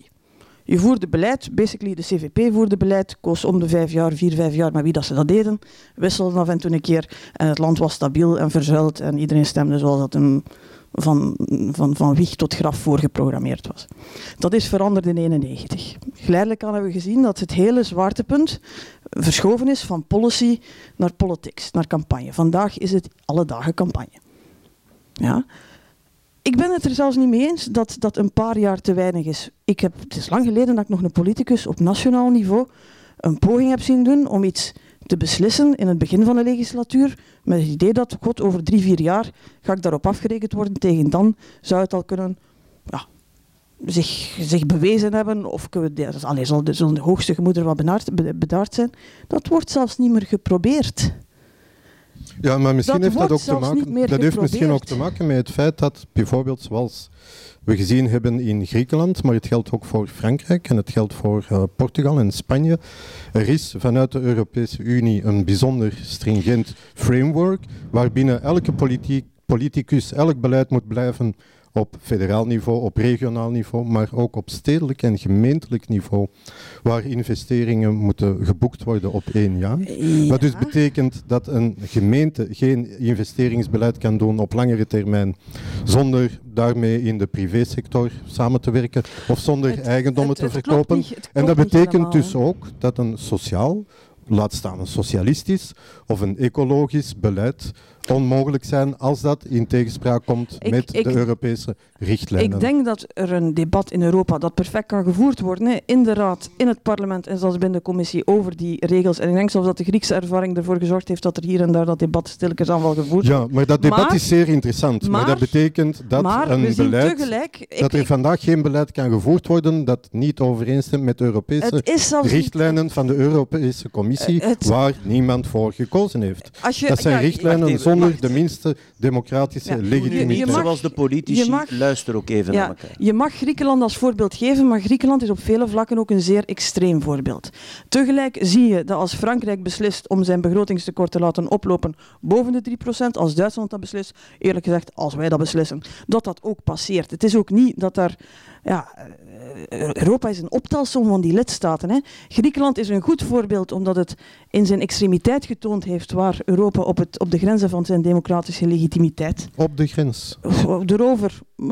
Geen probleem mee. Ik maar was nogal gechoqueerd. Ik was in 2015 in Griekenland. Dat is een... Oh, in Griekenland waren nogal veel dingen uh, chockerend. Allee, bedoel, daar zit je met een situatie die voor een stuk door de Griekse politiek compleet mismanaged is, waar je de uitwassen krijgt van een bankencrisis, waar, we, waar je zag dat politiek het moest opkuisen, het niet wist en achteraf dan maar gewoon austerity, is gaan doen. Um, ik, heb daar, ik vind het vreselijk wat daar gebeurd is. En ik, vind, ik, snap nog altijd niet dat er niet meer bankiers nog altijd in een bak zitten, om eerlijk te zijn. Ik denk dat de politiek daar echt een fout gemaakt heeft. Een fout gemaakt heeft van het moment dat ze de macht konden grijpen. Die ze al zo lang kwijt zijn. Hè? Dat ze het gewoon niet gedaan hebben, niet gedurfd hebben. Tegelijk ik was al politiek journalist toen die banken in aan, in aan het stuiken waren. En ik, ik, heb ook een beetje clementie voor de politici die daarop zaten te kijken. En als opdracht kregen, vind maar eens een oplossing. Liefst nu vannacht, want anders is het gedaan. Uh, dus ik, ik, ik ben daar clementer voor. Maar goed, Griekenland is een extreem ding waar, is een, waar dat ik hoop dat nog heel veel debat gaat over. Maar het is, niet, het is niet het representatieve. Griekenland is ook verschrikkelijk slecht bestuurd geweest. Griekenland heeft geknoeid met zijn cijfers. Griekenland was iets in stand aan het houden dat je als je deel wil uitmaken van een grotere unie ook gewoon niet gaat. Dat gaat gewoon niet. De oplossing vind ik even chockerend. Ja, ik, wil, ik, wil, ik wil verwijzen naar iets... En ik vond dat u gelijk had. Uh, wat u op uw Facebookpagina gisteren, vandaag of in elk geval heel recent geplaatst heeft over die oude dame van 80 of 90 jaar die in Griekenland langs de weg zelfgemaakte kousen verkocht en die dan gearresteerd werd omdat ze geen vergunning had om dat te doen. Dan geef ik u groot gelijk. Datzelfde Griekenland is er niet in geslaagd de laatste 30 jaar om meer dan 15% van de belastingen te innen. Waarom? Wie betaalt er nu belastingen? En dus dat was een, dat was een, een, een moeilijk systeem. Ik wil even uh, de, het debat openen zodat naar de media, want we hebben hier een hoofdredactrice rond de tafel zitten. Maar misschien toch heel even een vraag. Er is één landje in Europa waar weinig over gesproken wordt. Het is een beetje uh, verscholen. Het zit ook een beetje in het midden. Um, en waar men al jaren een goede democratie heeft, dat is Zwitserland. En dus ik wil eens, want we horen Europa heeft alle kwaad en het trekt op niks en al. Uh, maar Zwitserland is een land waar het volk heel dikwijls gevraagd wordt wat ze ervan vinden. Het gevolg is dat het het laatste land is waar vrouwen stemrecht hebben. Het is ook een land waar je, ik heb een debat gevoerd in Londen vorig jaar met de ambassadeur van Zwitserland en die man sprak over uh, interculturele samenleving enzovoort. Ik vroeg aan die meneer, Hoeveel moskeeën zijn er bijvoorbeeld in Zwitserland? Ik, weet dat niet. Ik weet dat er uh, 54 zijn in de stad Antwerpen. Hoeveel zijn er in Zwitserland? En hij antwoordde heel spontaan en hij zei, we hebben er drie. Is dat een voorbeeld, voor ik naar de media ga, die een belangrijke rol speelt in, in, in een democratie, is dat dan een voorbeeld? Dat is een land waar een traditie is van inderdaad een referendum, Zwitserland. Het is vooral zeer, zeer, zeer sui generis. Ze hebben daar een referendum gehad over in moskeeën, dacht ik. Um, ze waren daar niet voor. Um, het is vooral niet, niet exporteerbaar. Het is, zo'n, het, is, het is klein, het heeft een, een sterke democratische cultuur, maar het heeft ook een cultuur van geen samenwerking. Voor een stuk omdat ze ook volledig met hun banken willen doen wat ze ermee willen blijven doen, wat ze er altijd mee gedaan hebben.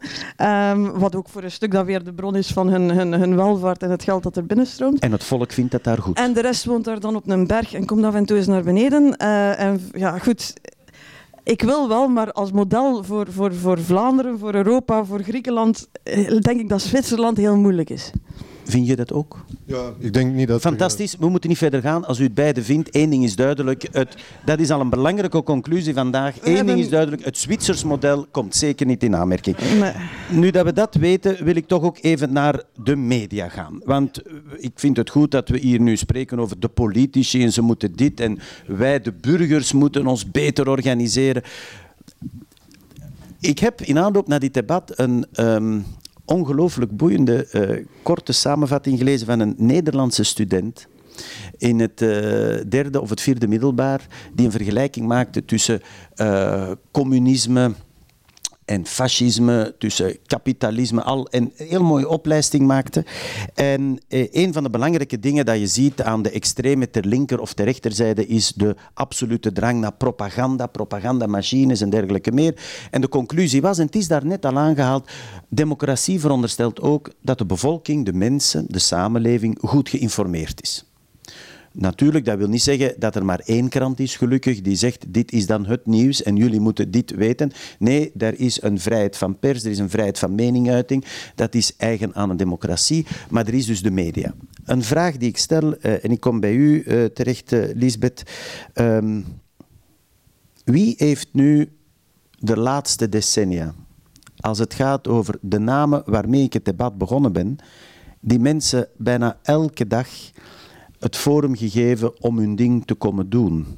De Trumps, de De Winters, de Baudets en de vele anderen. Dat is toch de media.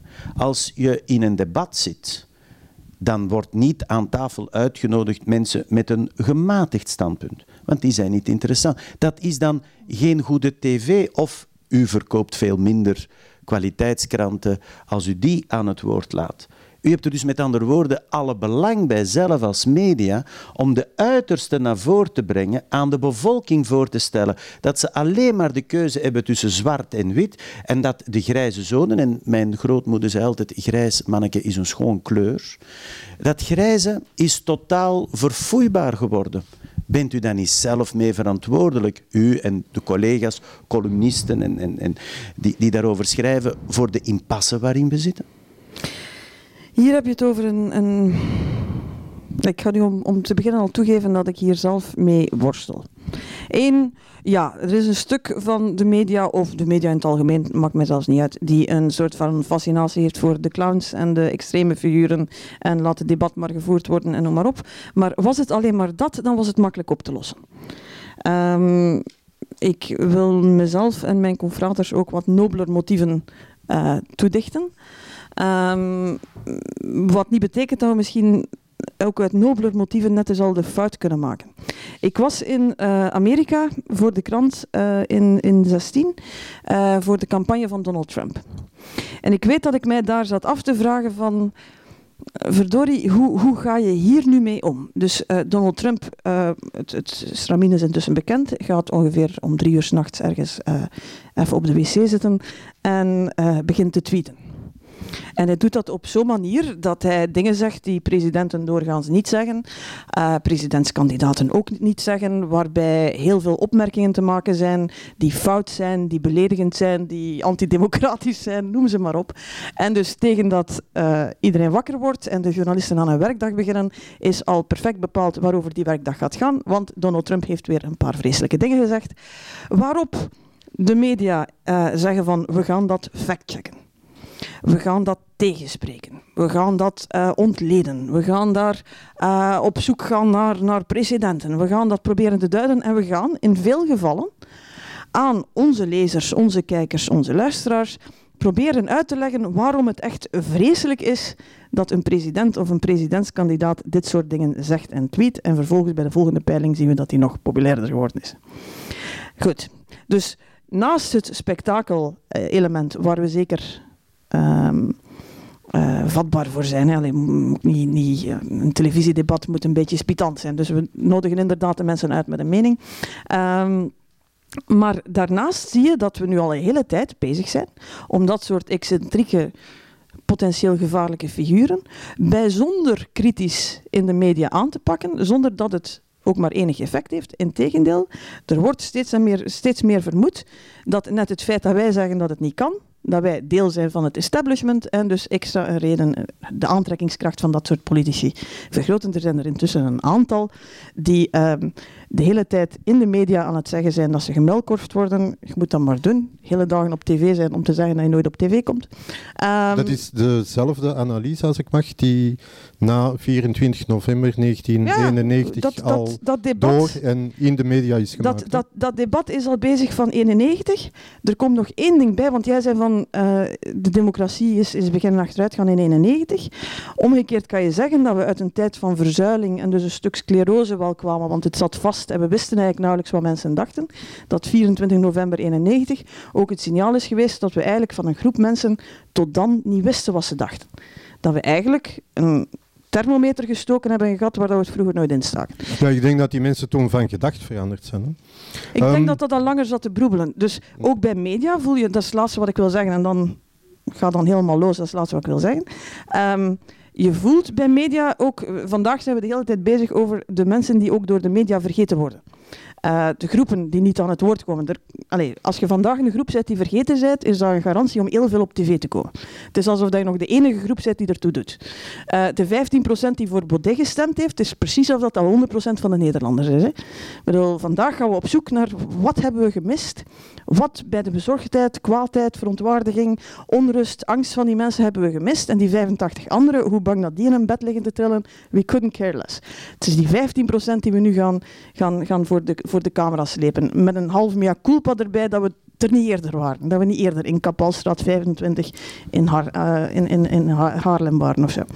Um, goed, dus uh, ik snap het stuk dat we neigen naar spektakel, voor een stuk wel. Twee, we botsen zelf tegen onze grenzen aan van een kritische aanpak en wat dat als effect heeft. En drie, als je zegt van we zijn een democratie, dus al die meningen zijn wel relevant en noem maar op. Goed. Um, ja, dan breng je ook die, kan je ook niet op voorhand zeggen welke meningen proper genoeg zijn om op tv mag te komen. Ook, mag ik ook vaststellen dat de politiek is veranderd, de partijen zijn veranderd. Je hebt dat straks gezegd, we komen uit de CVP-staat van vroeger. Mensen stemden zoals het vroeger was en hadden allemaal ook hun eigen krant, om het zo te zeggen. Een katholieke gazet, een socialistische was, was slechter, krant, enzovoort. Nu zijn was we... Slechter, hè? Dat is weg. En ook de media, de kranten, het is moeilijker om vandaag de dag, ik zeg dat eerlijk, een bepaald etiket te kleven op het ene of het andere medium. Nee, ik denk... Als je in Amerika daarentegen naar Fox News kijkt... En er zijn... Fox News is geen journalistiek, Fox News is een politieke operatie. Zeer succesvol, zeer overtuigd, maar, is geen journalistiek. Lisbeth, dat is een goed standpunt van u, intellectuele dame hier in de Erfgoedbibliotheek. Als u met mij in uh, de straten van Washington loopt, en dan heb ik het niet over de avenues, maar een beetje achteraan. En u gaat dat zeggen, voor hen zijn dat topjournalisten, dat is topnieuws, dat is objectief meegegeven. Wie zijn ze nu? De, de, kijkers. Hè, de, de kijkers, ja, ja, ja, absoluut. De 44 miljoen Amerikanen die van s morgens tot s avonds naar Fox kijken. Of de anderen die kijken naar CNN, hè, die dan af en toe moeten niet, toegeven. Niet die dan moeten toegeven dat ze af en toe een loopje nemen met de, met de werkelijke. Nee maar, allee, nee, maar ik wil maar zeggen, Fox hoe, is hoe kan een... de bevolking, hoe kan de mensen, dat was mijn initiële vraag, hoe kunnen wij nu beter burgers worden, Lisbeth? Dat heb je ons gezegd. Dat is iets dat ik eh, heel mijn leven nu ga meedragen om eraan te werken. Maar hoe kunnen wij nu betere burgers worden als je zelf een half mea culpa zegt en zegt ja, wij die jullie moeten informeren, ja, het is, we doen het niet 100% correct. Eh, zou, zou het niet erger zijn mocht ik zeggen dat we het 100% correct doen en dat iedereen moet zwijgen want dat we gelijk hebben?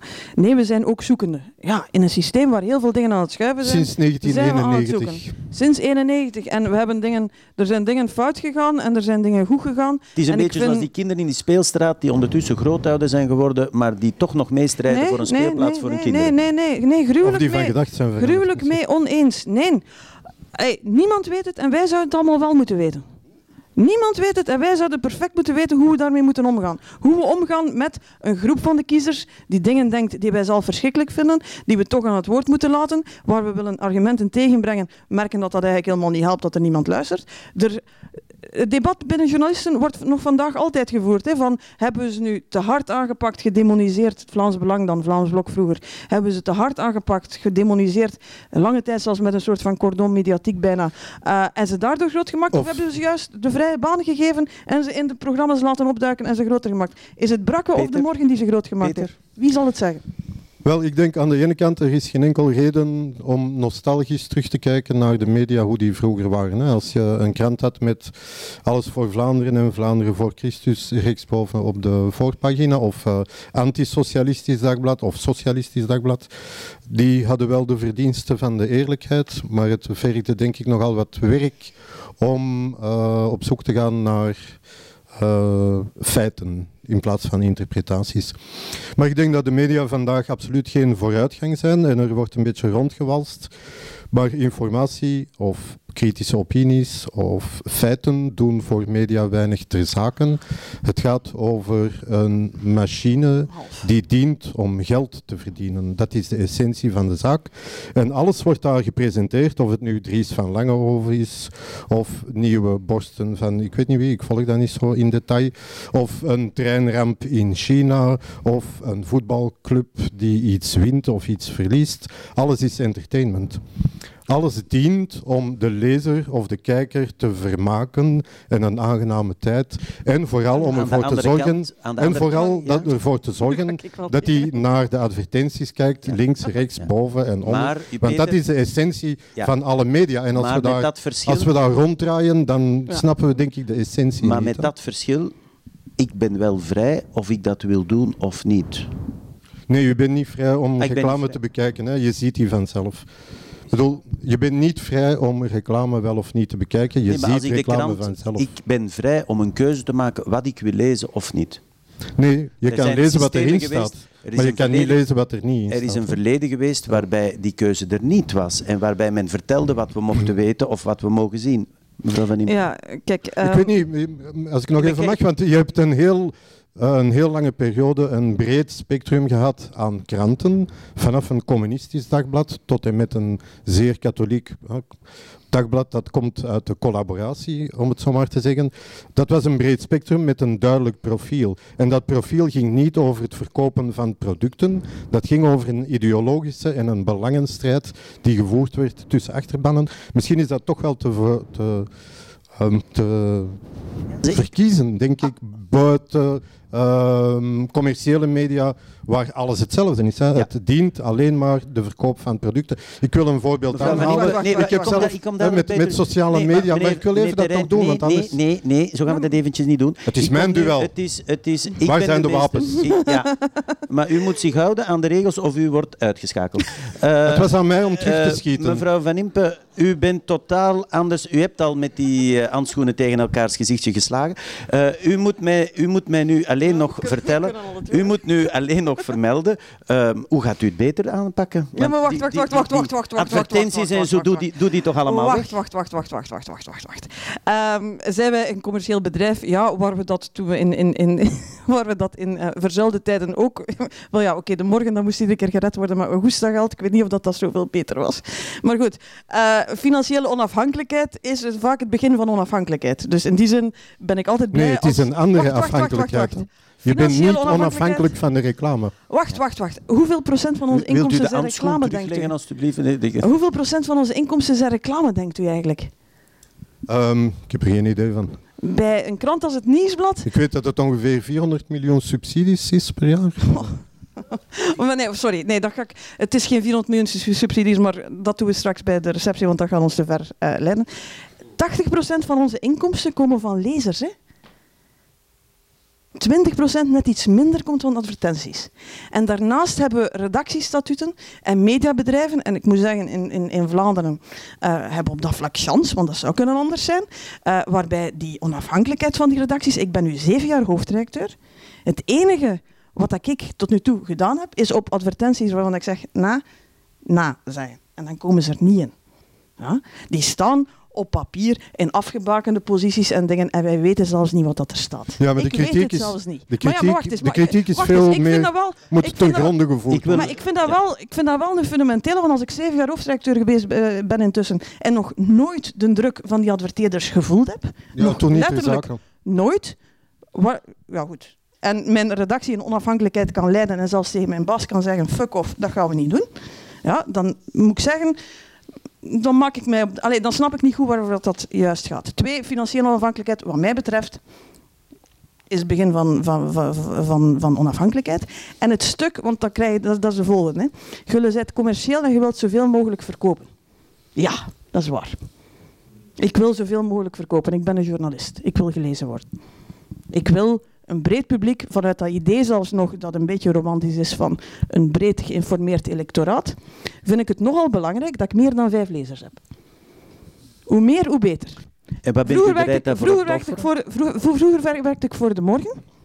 Dat had iets minder lezers dan het Nieuwsblad. Ik vond dat soms zo'n beetje, dat was een beetje preken voor de kerk soms. Moet daar eerlijk zijn. Al mijn vrienden hadden mijn stukken gelezen. Vandaag heeft geen een van mijn vrienden mijn stukken gelezen. Eh, maar al mijn vrienden hadden mijn stukken gelezen. We konden er heel goed over discussiëren op café, maar we zaten wel ja, voor de overtuigden te preken. Ja, wij interviewden geen Vlaams blokkers en, en we waren helemaal overtuigd van wat dat we deden. Alleen de enigen die luisterden waren degenen die toch al overtuigd waren. Ik heb de wat gekke keuze gemaakt om voor een populaire krant te gaan werken. En als politiek journalist vond ik dat eigenlijk een vrij logische stap.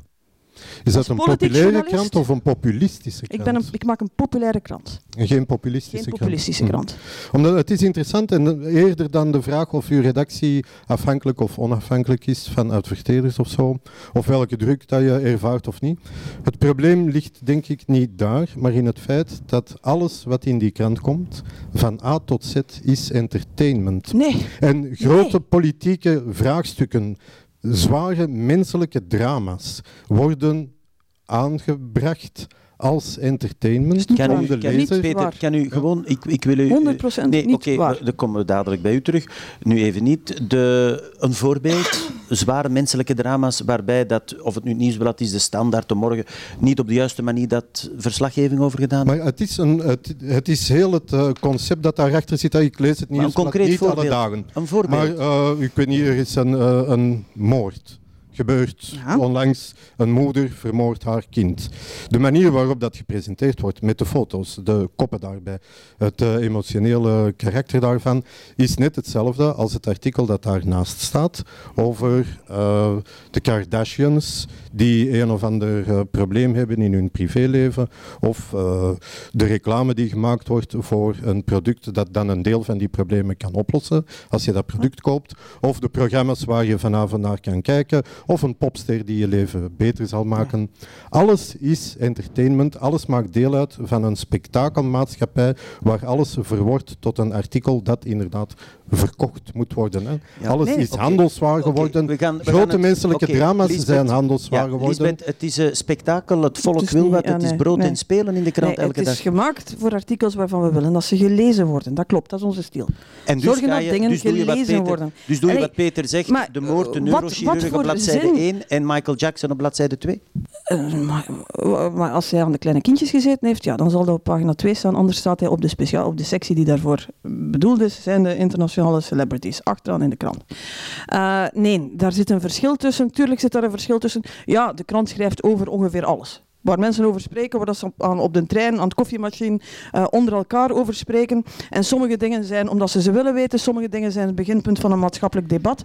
En ik denk dat we intussen toch al geleerd hebben dat als we eh, tegen de mensen zeggen van je krijgt nu nog eens extra huiswerk. Iedere dag ga je een uur moeten bezig zijn met weten hoe dat de wereld draait. En dat gaat lastig zijn, dat gaat moeilijk zijn, dat gaat boven je hoofd geschreven zijn. Dat gaat geen enkele moeite gedaan zijn om daar een beetje een aangename ervaring voor u van te maken. Dat ze het gewoon niet doen. Sinds ik een populaire krant maak, zit ik niet meer in... Jij zegt populu- populistisch, mij goed, ik zeg populair. Sinds ik een populaire krant maak, zit ik niet meer in met hoeveel mensen lezen de standaard. En Maar het is morgen, toch een beetje de kleine, een- Wacht, ik ga mijn punt Ja. afmaken. De kleine kranten. Vandaag zit ik in met de mensen die nooit nieuws lezen, horen, bekijken. Volgens verschillende onderzoeken meer dan ongeveer... Som, allee, moeilijk te meten natuurlijk, maar dat zou over de helft van de mensen kunnen gaan.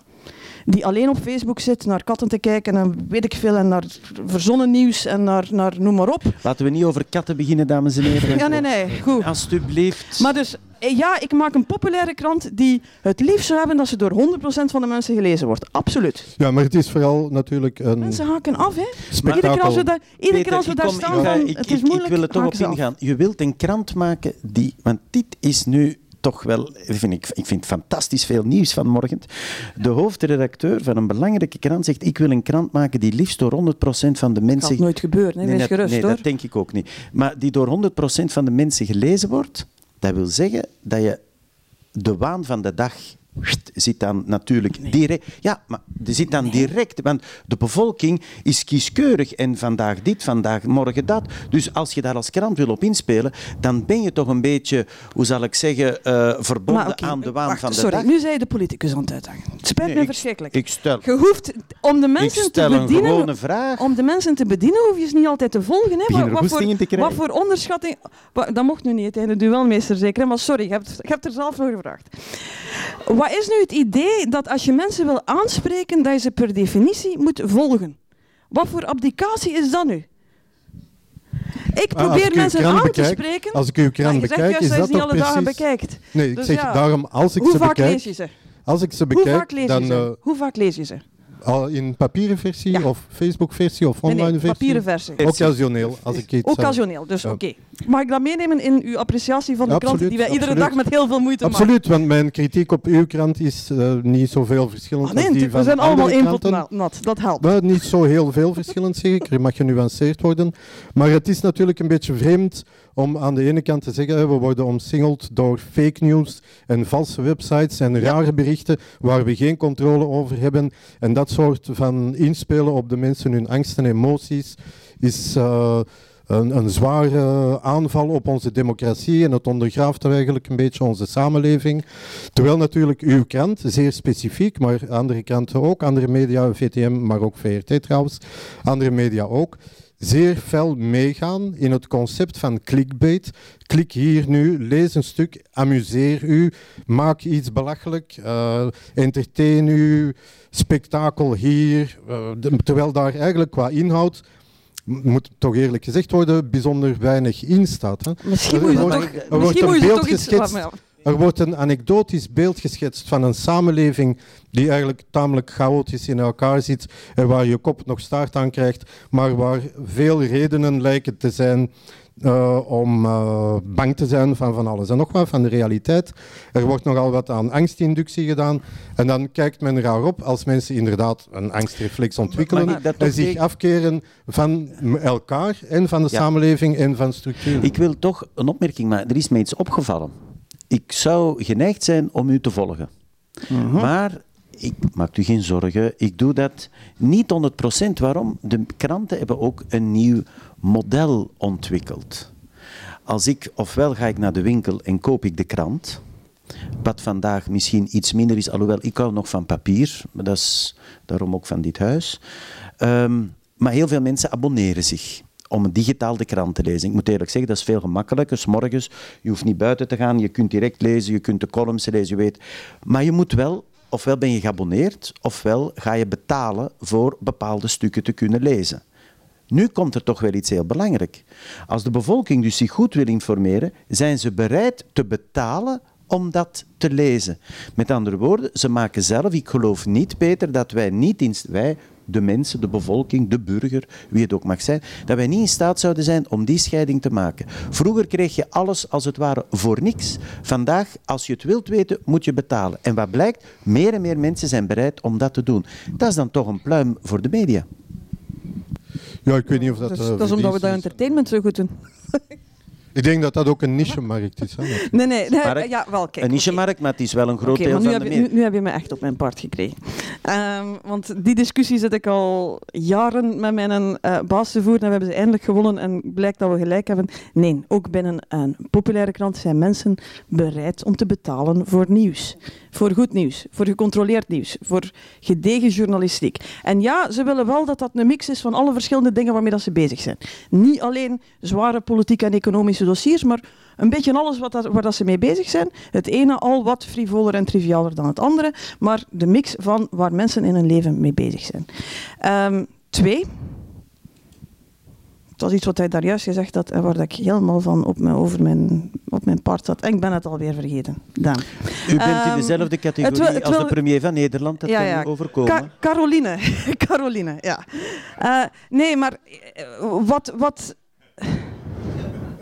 u ziet hoe moeilijk het is, hè, zelfs als je daar dan over schrijft, hoe een politicus ja, nee, nee, ik, nu weet ik, ah, nee, nee, ik, ik weet het weer. Caroline, nee, nee, het was waar, dat, waar dat je me daar juist hebt afgebroken en waar dat ik dus zeg van, ja, nee, nee, nee, nee, nee. Het stuk waarbij de lezer, het publiek in uw achterhoofd houden, altijd zou betekenen dat je die gewoon op zijn laagste gemene deler zou bedienen. Dat vind ik dus, dat is, dat is het idee waar we allemaal met z'n allen kapot aan gaan. Dat gaat in tegen wat we vroeger met een oud woord volksverheffing noemden. Volksverheffing kon maar volksverheffing zijn als ze mensen breed aansprak op waar ze waren en ze probeerden ergens anders naartoe te krijgen. Volksverheffing die boven de hoofden van de mensen gaat, haalt niks uit. Ja? En dat is een discussie die ik op een populaire krant constant voer. Er is geen thema waarvan wij zeggen het is te moeilijk, te technisch, uh, te, te, te, te, abstract, noem maar op. Alleen we moeten heel goed gaan discussiëren hoe gaan we dat bij mensen brengen dat ze dat stuk lezen. Om een, een, thema te nemen dat u nou aan het hart zal liggen. We hebben bij het Nieuwsblad vijf jaar gezocht, als hoofdredacteur, eerste vijf jaar, hoe moeten wij cultuur in de krant brengen. Wij brachten geen cultuur meer. We hadden een heel voorspelbare film- en boekenrubriek en we hadden die afgeschaft omdat die zo echt, ja, dat was niet goed. Um, en we hadden eigenlijk niet direct iets anders gevonden en dan was dat blijven liggen goed. Op een moment hebben we beslist, we gaan met recensies heel breed. Van, van theater uh, en expositie tot strips en boeken en muziek in, alle, in alles, het, het hele spectrum. Ik heb een discussie moeten voeren met mijn baas, die zei van, zit nu lezers erop te wachten. Ik zei ja, die mix van al die verschillende dingen, de culturele centra in Vlaanderen zitten vol. Mensen in alle mogelijke niches gaan overal naartoe kopen, lezen, uh, gaan, gaan kijken naar, noem maar op. En wij als populaire krant met een heel breed publiek hebben een plicht om daarover te schrijven en daar wegwijs in te maken. Ja? Niemand gaat mijn krant niet meer kopen als we dat niet doen. We hebben daar niks van gezien. Ik ben ervan overtuigd dat als je dat op een juiste manier weer bij mensen brengt, en wat krijg je? Je krijgt kaartjes. Mensen zijn blij dat dat er terug in staat, vinden dat goed. Maar je doet dat niet omdat mensen daar een nood gaan identificeren, uitspreken, noem maar op. Je doet dat omdat je zelf vindt dat dat belangrijk is en je zoekt vervolgens een manier. Je kunt dat entertainment noemen, ik noem dat bij ons gewoon professionalisme, dat je dat naar mensen brengt op een manier dat ze zeggen van oké, dit wil ik lezen. Want eerlijk gezegd, dat stuk waar dat ik ongelooflijk trots op ben, omdat het heel belangrijk en heel goed en noem maar op is, maar dat op zo'n manier er staat dat niemand het leest, ja, dat is een boom in het bos die omgevallen is en geen enkele wandelaar die het gehoord heeft. Hè. Daar zijn we niks mee. U weet dat u nu op mijn hart omarmd hebt door terug aandacht te hebben voor de cultuur in de kranten. Dat is goed, laat ons het zo houden. Wij hebben er behoefte aan. Ik heb nooit begrepen waarom we altijd maar over sport moeten lezen. Om dan, vast te, stellen, om dan vast te stellen op het einde dat het allemaal geschommel is. Maar dat is weer iets anders. En ook daar schrijven wij over als grote sportkrant. Maar laten we iets meer over cultuur schrijven. Um, dames en heren, het, ik kijk naar mijn uurwerk en men heeft mij allerlei mededelingen gegeven waar ik mij moet aan houden. En er is misschien tijd om enkele vragen te stellen uit het publiek. Want het, en ik kom dus dadelijk bij u, is het mogelijk een beetje meer licht in de zaal te hebben, alstublieft. Want u hebt het uh, voorbije anderhalf uur veel meegemaakt. U hebt gehoord dat u zich iets beter moet gaan organiseren in onze democratie. En dat u veel meer moet nadenken. Dat u, ik kan u nu tenminste recht in ogen zien. Dat u veel meer moet nadenken op wie u de volgende keer gaat stemmen. Want u kiest wie er in het parlement komt. Een parlement waarvan ik gehoord heb, en ik moet het eigenlijk wel toegeven, daarom dat ik er nooit echt in geïnteresseerd was. Als je als parlementair in de meerderheid zit, mag je alles zeggen, maar doen wat de regering beslist. Zit je in de oppositie, mag je nog meer zeggen, niemand luistert naar u. U moet dus rekening houden, als u die mensen afvaardigt, dat zij het moeilijk zullen hebben als zelfstandige. Maar ik kom nu bij u om aan u, hebt u een vraag of een opmerking die u aan de twee dames en heren hier vooraan zou willen vragen. Mag ik vragen dat u ze heel concreet en kort houdt, alstublieft. En we hebben een loopmicrofoon. U bent allemaal deel van de democratie, dus u staat te springen om uw mening te uiten. Ik heb het woord algemeen belang gehoord. Wat is dat eigenlijk voor iets, algemeen belang? Kan u dat definiëren? Oké, dat is niet moeilijk. Het is een algemene term. Iedereen kent het, Peter. Algemeen belang. Ik vertrek natuurlijk vanuit een klassebelang. Hè. Wat het belang is van de klasse waar ik toe behoor, dat is in mijn uh, belang. En dat zal ik verdedigen. Welk, uh... Wat is eigen belang, Peter? Uh, klassebelang in mijn geval. Hè. Het, klassebelang? Hoe, ja. Dat is heel maar duidelijk. Eigen belang is klassebelang. Maar je hebt natuurlijk het algemeen belang dat bijvoorbeeld tot uitdrukking komt in de klimaatverandering. We hebben er allemaal belang bij, los van tot welke klasse we behoren, dat aan die klimaatverandering okay, wordt... Dat is, uh, Oké, dat is een heel duidelijke definitie over eigen belang. Wat is algemeen belang? Algemeen belang is doorgaans de term die gebruikt wordt om een heel particulier eigen belang te verhullen. Um... Nee, Dank u wel. Dank u. Ja, eh, Dit hele ding, het volk bestaat niet. Allee, de volkswil bestaat niet, dus ook algemeen belang is heel moeilijk te definiëren. En toch vragen we van politici. Eigenlijk zeggen we van politici zouden bezig moeten zijn op iets langere termijn. De dingen waarvan we weten dat ze er aankomen, die ons allemaal bijvoorbeeld klimaat treffen. Maar dan opnieuw ga je beginnen discussiëren over hoe je dat dan moet doen. En, en zal iedereen op de momenten die het hem goed uitkomt het algemeen belang inroepen. Okay. Het is heel moeilijk, je kan het nooit definiëren. Een andere vraag uit de zaal. Als u ze kort stelt, krijgt u, zoals u gehoord hebt, een kort antwoord. Meneer Boutmans? Ja, mijn vraag is eigenlijk, uh, we, we, hebben, we zien dat er hoe langer hoe meer meningsverdeeldheid is in de samenleving. Bijna niks waarover men nog een consensus heeft. Hoe kun je dan in hemelsnaam van de politiek verwachten dat die zeg maar een beleid voert dat duidelijk is enerzijds, dat ook nog gedragen wordt door de bevolking. Dus je krijgt altijd compromissen, want, en dus vindt niemand zijn eigen visie terug in de politiek die gevoerd wordt. Dan krijg je bij de volgende verkiezingen weer ontevredenheid over de vorige regering. Voer maar eens een goed klimaatbeleid bijvoorbeeld, een, een, een grondige hervorming. in zo'n situatie? Ja, een vraag die er net ook al aan bod kwam. Heel kort antwoord. De, het volk vraagt het. Uw antwoord. Lisbeth? Ik denk dat je politieke oplossingen moet gaan vinden die werken. Dat is de enige manier om voorbij dat idee te geraken dat iemand zijn zin... We kunnen de mensen niet allemaal hun zin geven, want ze vragen allemaal iets anders. Concreet voorbeeld over het klimaat bijvoorbeeld? Over klimaat zal het zijn, ga je een beleid kunnen maken dat uh, de bezorgdheden van verschillende burgers... Want de meeste mensen zitten wel in, maar we gaan de economie toch niet helemaal kapot maken. Uh, ik ga mijn job toch wel kunnen houden, dat soort dingen. Uh, we gaan onze welvaart toch wel kunnen houden en tegelijk moeten we dat klimaat redden. Dus je gaat een oplossing moeten vinden. En als je aan één van die dingen raakt, ga je het verdorie goed moeten uitleggen. Je gaat daarvoor veel cheven nodig hebben. Peter? Uh, ja. Cheven kunnen dat soms goed, als ze niet helemaal in het midden Ik ga geen cheven nodig hebben, want ik ga voor de polarisatie. Ik denk dat je de tegenstellingen veel scherper moet stellen dan ze nu gesteld worden. En dat de belangenstrijd heel helder moet worden, waarbij bijvoorbeeld de vraag niet is, redden we het klimaat door onze consumptie aan te passen, maar redden we het klimaat door de productie aan te passen en namelijk de productiemiddelen in handen te nemen. Dan heb je een helder conflict waar je denk ik geen consensus vindt, maar een interessante strijd rond kunt ontwikkelen. Mooie uitdaging voor die jongeren die volgende week donderdag gaan betogen. Zij gaan het productieproces zelf in handen moeten nemen. Ik denk niet dat er veel zijn die daaraan denken als ze donderdag gaan spijbelen, maar het is een mooie gedachte. Nog een vraag uit het publiek. Mevrouw? Ja, uh, ik vecht al heel mijn leven uh, voor geestelijke gezondheid voor jongeren. Ik heb uh, jaren geleden Theo opgericht.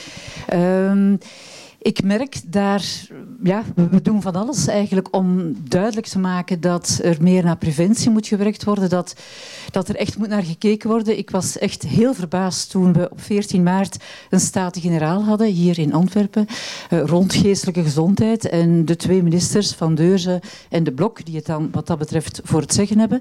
Ik dacht dat ik omver viel toen dat de Blok zei van misschien moeten jullie ook gaan betogen alle mensen daar, psychiaters, psychologen, psychotherapeuten. Misschien moeten jullie ook gaan betogen in Brussel, net zoals de De Wevers hè, voor de klimaatbetoging. Ik dacht, wat is dat voor een situatie? Ja. Hè? Dus er is al jaren problematiek rond jongeren, geestelijke gezondheid, echt droevig. Hè? Echt droevig. En uw vraag? Uw vraag? Wel, dat, dat er niet geluisterd wordt. Hè? Dus zelfs op zo'n Staten-Generaal zegt dan zo'n de Blok, hè, ja, ga dat maar betogen. Hè? Ik vraag me af waar, ja, ik denk dat het echt belangrijk is dat daar rond iets gebeurt. Een terechte vraag, dus een opmerking. Er wordt uh, specialisten worden al samen, men gaat een strategische raad oprichten. Uh, wat u zegt doet mij een beetje beangstigen als men het niet meer weet en de politiek gaat het niet weten, gaat men het aan de strategische raad vragen. Daar zijn dan drie specialisten die zeggen het is zwart en dan eindigt dat met zes andere specialisten aan te zetten om te onderzoeken of het wel juist is. Ja, dit is een, een, klassiek probleem in een democratie. Dat is een probleem dat zeer reëel... Uh, media hebben daar op niet entertainende wijze al heel veel over geschreven. Um, maar dat als je daar zelf niet mee te maken krijgt, kan je dat perfect negeren. Hè? Ik bedoel, dat, dat is een, een, een, een relatief kleine groep die perfect beseft hoe ernstig dat probleem is en een hele grote groep die zegt van in mijn dagelijks leven kom ik... Dus dat is iets wat door de meerderheid voor een stuk kan genegeerd worden en politici moeten dan serieus achter hun veren gezeten worden om daar toch voldoende uh, rekening mee te houden. Uh, dit is een van die typische dingen waarvan ik wel zeg van uh, Brexit heeft onze quote van de mensen zijn de expertenbeu, waar ik hier denk van laat politici alsjeblieft naar de experten gaan en vandaar een beleid maken dat, dat opnieuw dat werkt. Je hebt daar een beleid nodig dat werkt, dat zoals verschil maakt. Zoals Thunberg zegt van de politici moeten niet naar ons luisteren, maar luisteren naar de specialisten. Ja. En als maar een politicus die zegt zijn... van ze moeten met genoeg op straat komen voordat we luisteren, dat is een probleem. Zeker voor dat soort problematiek. Dat ja, misschien kan ik daar nog als uh, uh, specialist zou kunnen zeggen, uh, advies geven. Als je politici onder druk wil zetten, kan je natuurlijk een betoging organiseren, maar je kan ook andere vormen van acties, en ik kan misschien straks daar wat details over vertellen, voeren. Um, wat maakt dat politici dat... gedwongen zijn en media gedwongen worden om in ieder geval de standpunten breed Peter, te verkondigen? zeg, deel het met ons. Waarom moet dat uh, uh, gefoefeld worden in de achterkamer? Nee, het is maar omdat het een uitgebreid gesprek kan zijn over de strategie en tactiek. Van... Nee, maar waarom durf je dat? Nee, ik vind dat nu een Het is geen kwestie van niet durven, hè, maar je Maar geef eens een voorbeeld. Want jij Ehm, spreekt heel vaak in Het is gemakkelijk dingen, om met concreet... vijf, zes mensen het land op stelte te zetten als je een goede strategie hebt, goede doelwitten uitkiest en interessante acties voert. En worden we daar dan beter van? De samenleving verandert daardoor en in het beste geval in goede zin, ja, doorgaans wel. En in het slechtste geval? Ik ken niet zo Kom je in de gevangenis eh, terecht. Voilà, in de- Een andere vraag? Is er een andere vraag uit de... Mevrouw? Oh, sorry, meneer en dan mevrouw. Ja. Meneer Dank u. Ik, ik heb wat, dank u. Ehm, daar praten we straks over, hoe u dat moet doen. Ehm, ik heb wat probleem met het uitgangspunt van het debat. De, de democratie is in crisis. Het is hier gezegd, eh, vroeger waren de kranten verzuild. De mensen stemden heel hun leven zonder veel nadenken voor dezelfde partij. Nu krijgen we diverse opinies in de kranten. Eh, de er zijn nieuwe partijen. De mensen denken na en stemmen dan volgens eh, hun, hun meningen. En dan zeggen we dat, eh, waar is dan de crisis? Ik zou zeggen, applaus, het gaat beter met de democratie. Alleen weten we nog niet goed hoe we het precies moeten organiseren, maar ook dat komt wel. Ja, Ik- u, u, ik hoor in u een oude polit... Oud, moet, oei, ik moet die woorden terugnemen. Moest hij in de zaal zijn, zou het heel erg nemen. Maar het doet me denken aan, en u moet er niks politiek achter zoeken, maar meer menselijk, eh, hoe mijn eh, leermeester Mark van Peel de dingen bekeek. en ik heb met Mark eh, een klein...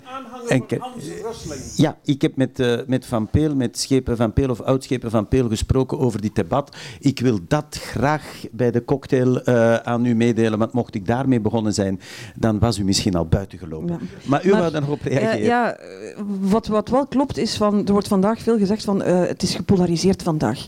Alsof dat, dat dus het symptoom is. Eh, dat is het teken dat het niet goed gaat.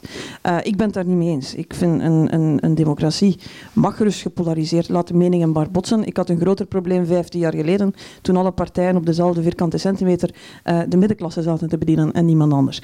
Ehm, Vandaag is het gepolariseerd, maar natuurlijk als je polariseert, is centrifugaal, dan moet je ook de buitengrenzen gaan, gaan in de gaten houden. Want je kan uit de bocht vliegen. Je kan uit de bocht vliegen en wat je wel ziet is, democratie is nog altijd het enige systeem dat zichzelf op geheel democratische wijze ook weer kan afschaffen. En dan kan je gaan kijken in bepaalde landen, niet hier. Maar in andere landen begin je wel een aantal dingen zien. Aanval op de rechtsstaat, op een aantal eh, essentiële instellingen. Waar je denkt van ja, je kan dat allemaal op democratische wijze doen. Maar dat kun je toch maar best goed in de gaten houden. Want het kan wel helemaal ontsporen. Dus ik denk dat daar het gevoel vandaan komt. Plus het gevoel dat heel veel mensen hebben. Dat ze eigenlijk zich niet meer vertegenwoordigd vinden. Net de claim die democratie maakt. Dat ze al die mensen wel vertegenwoordigen. Peter, dat vraagt een antwoord. Ja, omdat eh, inderdaad, ik denk, ik wou daar in het eh, begin eigenlijk ook op wijzen. Het is natuurlijk niet de democratie aan zich die in het gedrang is. Er zijn allerlei processen aan de gang die volgens mij wel democratisch zijn, maar die een beetje buiten de representatieve democratie vallen. Maar daarom geen gevaar zijn voor de democratie, integendeel. Een van de facetten waar we het nog niet over gehad hebben, en ik denk dat dat daar een illustratie van is, is de opkomst bij verkiezingen. Want er wordt verwezen naar de verkiezing van Thierry Baudet, wat is het, 14 procent zoiets ongeveer? 14,4 of zo. Maar als je bekijkt het aantal eh, mensen dat effectief, stemgerechtigde Nederlanders die effectief is gaan stemmen, dan, eh, en dan zie je dat hij eigenlijk, ik denk ongeveer 7,5% vertegenwoordigt van de kiesgerechtigde Nederlanders. Je ziet hetzelfde met de brexit. De brexit is eh, gekozen door ongeveer 26% van de kiesgerechtigde Britten. Dus er is een probleem, denk ik, met de representativiteit van die democratie en de opkomst, waardoor de uitslag van verkiezingen eh, grotesk kunnen lijken, maar waarbij de verkozen politici of Concrete de genomen vraag. Beslissing Peter, weinig vraag. mensen Ja, maar vertegenwoordigt. dan gewoon eigenlijk. heel concreet en uh, geen uitleg, gewoon maak een keuze, stemrecht of stemplicht? Er is geen stemplicht. Nee, maar stemrecht of stemplicht? Opkomstplicht. Ehm, het maakt niet uit. Opkomstplicht. Het heeft geen enkel belang. Het heeft geen belang. Nee. Als je het ziet in... eh, Nee, oké, nee, maar dat is het, Nee. we gaan niet terug beginnen. het resultaat in het buitenland is niet anders dan hier. Dus. Ik ben voor opkomstplicht, alleen zien we nu al dat in bepaalde delen van Wallonië en Brussel de niet-stemmers, ondanks op, opkomstplicht, de grootste partij zijn. Wat ik altijd aantrekkelijk heb gevonden aan eh, eh, stemrecht tegenover stemplicht, is het idee dat politici ook mensen moeten overtuigen om te gaan stemmen. Hier wordt dat nogal for granted genomen. Dames en heren, het is bijna kwart voor één. En dus moeten wij afronden. Het doet mij plezier dat u op het einde met een positieve noot bent geëindigd. Namelijk, de democratie, wij hebben ze, ze staat er, het is misschien niet zo slecht en het moet vooral verbeterd worden. En dat werd ook beaamd door de twee genodigden van deze morgen. Dames en heren, ik wil in naam van u allemaal natuurlijk Lisbeth van Impe en Peter Terrein bedanken. Mij is opgevallen, Peter, dat jij een heel charmant, bijwijlen romantische persoonlijkheid bent. Dat je met ouder te worden en wat grijzer een deel van je revolutionaire ideeën hebt achtergelaten. Dat je het moeilijk... Ja, dat is heel pijnlijk voor u. Uh, dus doe er iets aan, man. Doe er iets aan. Uh, dat als je vanmiddag gaat betogen, dat je dat doet met de nodige flegmatiek en dat je begonnen bent met te zeggen wie van mij verwacht dat om extreme dingen te horen, die is er eigenlijk aan voor de moeite. Dames en heren, revolutionairen zijn niet meer wat ze geweest zijn. En daarnaast zit uh, in het midden een uh, hoofdredactrice van een belangrijke krant die elke dag probeert om zoveel mogelijk mensen te bereiken, die dat inderdaad doet. En ik, ben, ik probeer objectief te zijn, maar op een zo goed mogelijke manier door veel thema's aan bod te laten komen. Je kunt nooit voor iedereen goed doen en die vandaag een half mea culpa heeft geslagen ten aanzien van de politici, diegenen onder ons of de oud-politici. Ach, het is dan ook wel aangenaam die dat gehoord hebben, zullen er blij om zijn. Eén ding is in elk geval duidelijk. Het woord en stem is binnenkort weer aan u. En dus eindig ik met de eerste woorden van dit debat. U, wij, burgers, zijn zelf verantwoordelijk voor wie we kiezen en we moeten misschien eens wat beter nadenken als we dat gaan doen. Dames en heren, ik wens u een fantastische zondag. Geniet van de zon. En ik moest u nog meedelen, terwijl mijn souffleur mij nu allerlei uh, tekenen doet, dat u ook wordt uitgenodigd voor het en dan staat hier op mijn briefje het tweede duel voor 2018. Het is een beetje moeilijk altijd met die uitnodigingen voor dit soort van aangelegenheden. Maar men bedoelt het tweede duel voor 2019 zal gaan over de impact van sleutelromans op onze literatuur. En meer in bepaald is daarbij de Amerikaanse literatuur dan belangrijker of de invloed daarvan belangrijker dan de Europese of niet op de wereldliteratuur. Mijn eerste vraag zou zijn op dat moment: waarom blijft dat beperkt tot Amerikaanse en Europese literatuur? Want je moet wat meer lezen wat uit Zuidoost-Azië komt. Maar dat is een debat voor dan, misschien met een andere duelmeester. Ik wens u een prachtige zondag en er wordt nu aan ons nog allemaal samen een kapitalistische receptie aangeboden. Dank u wel.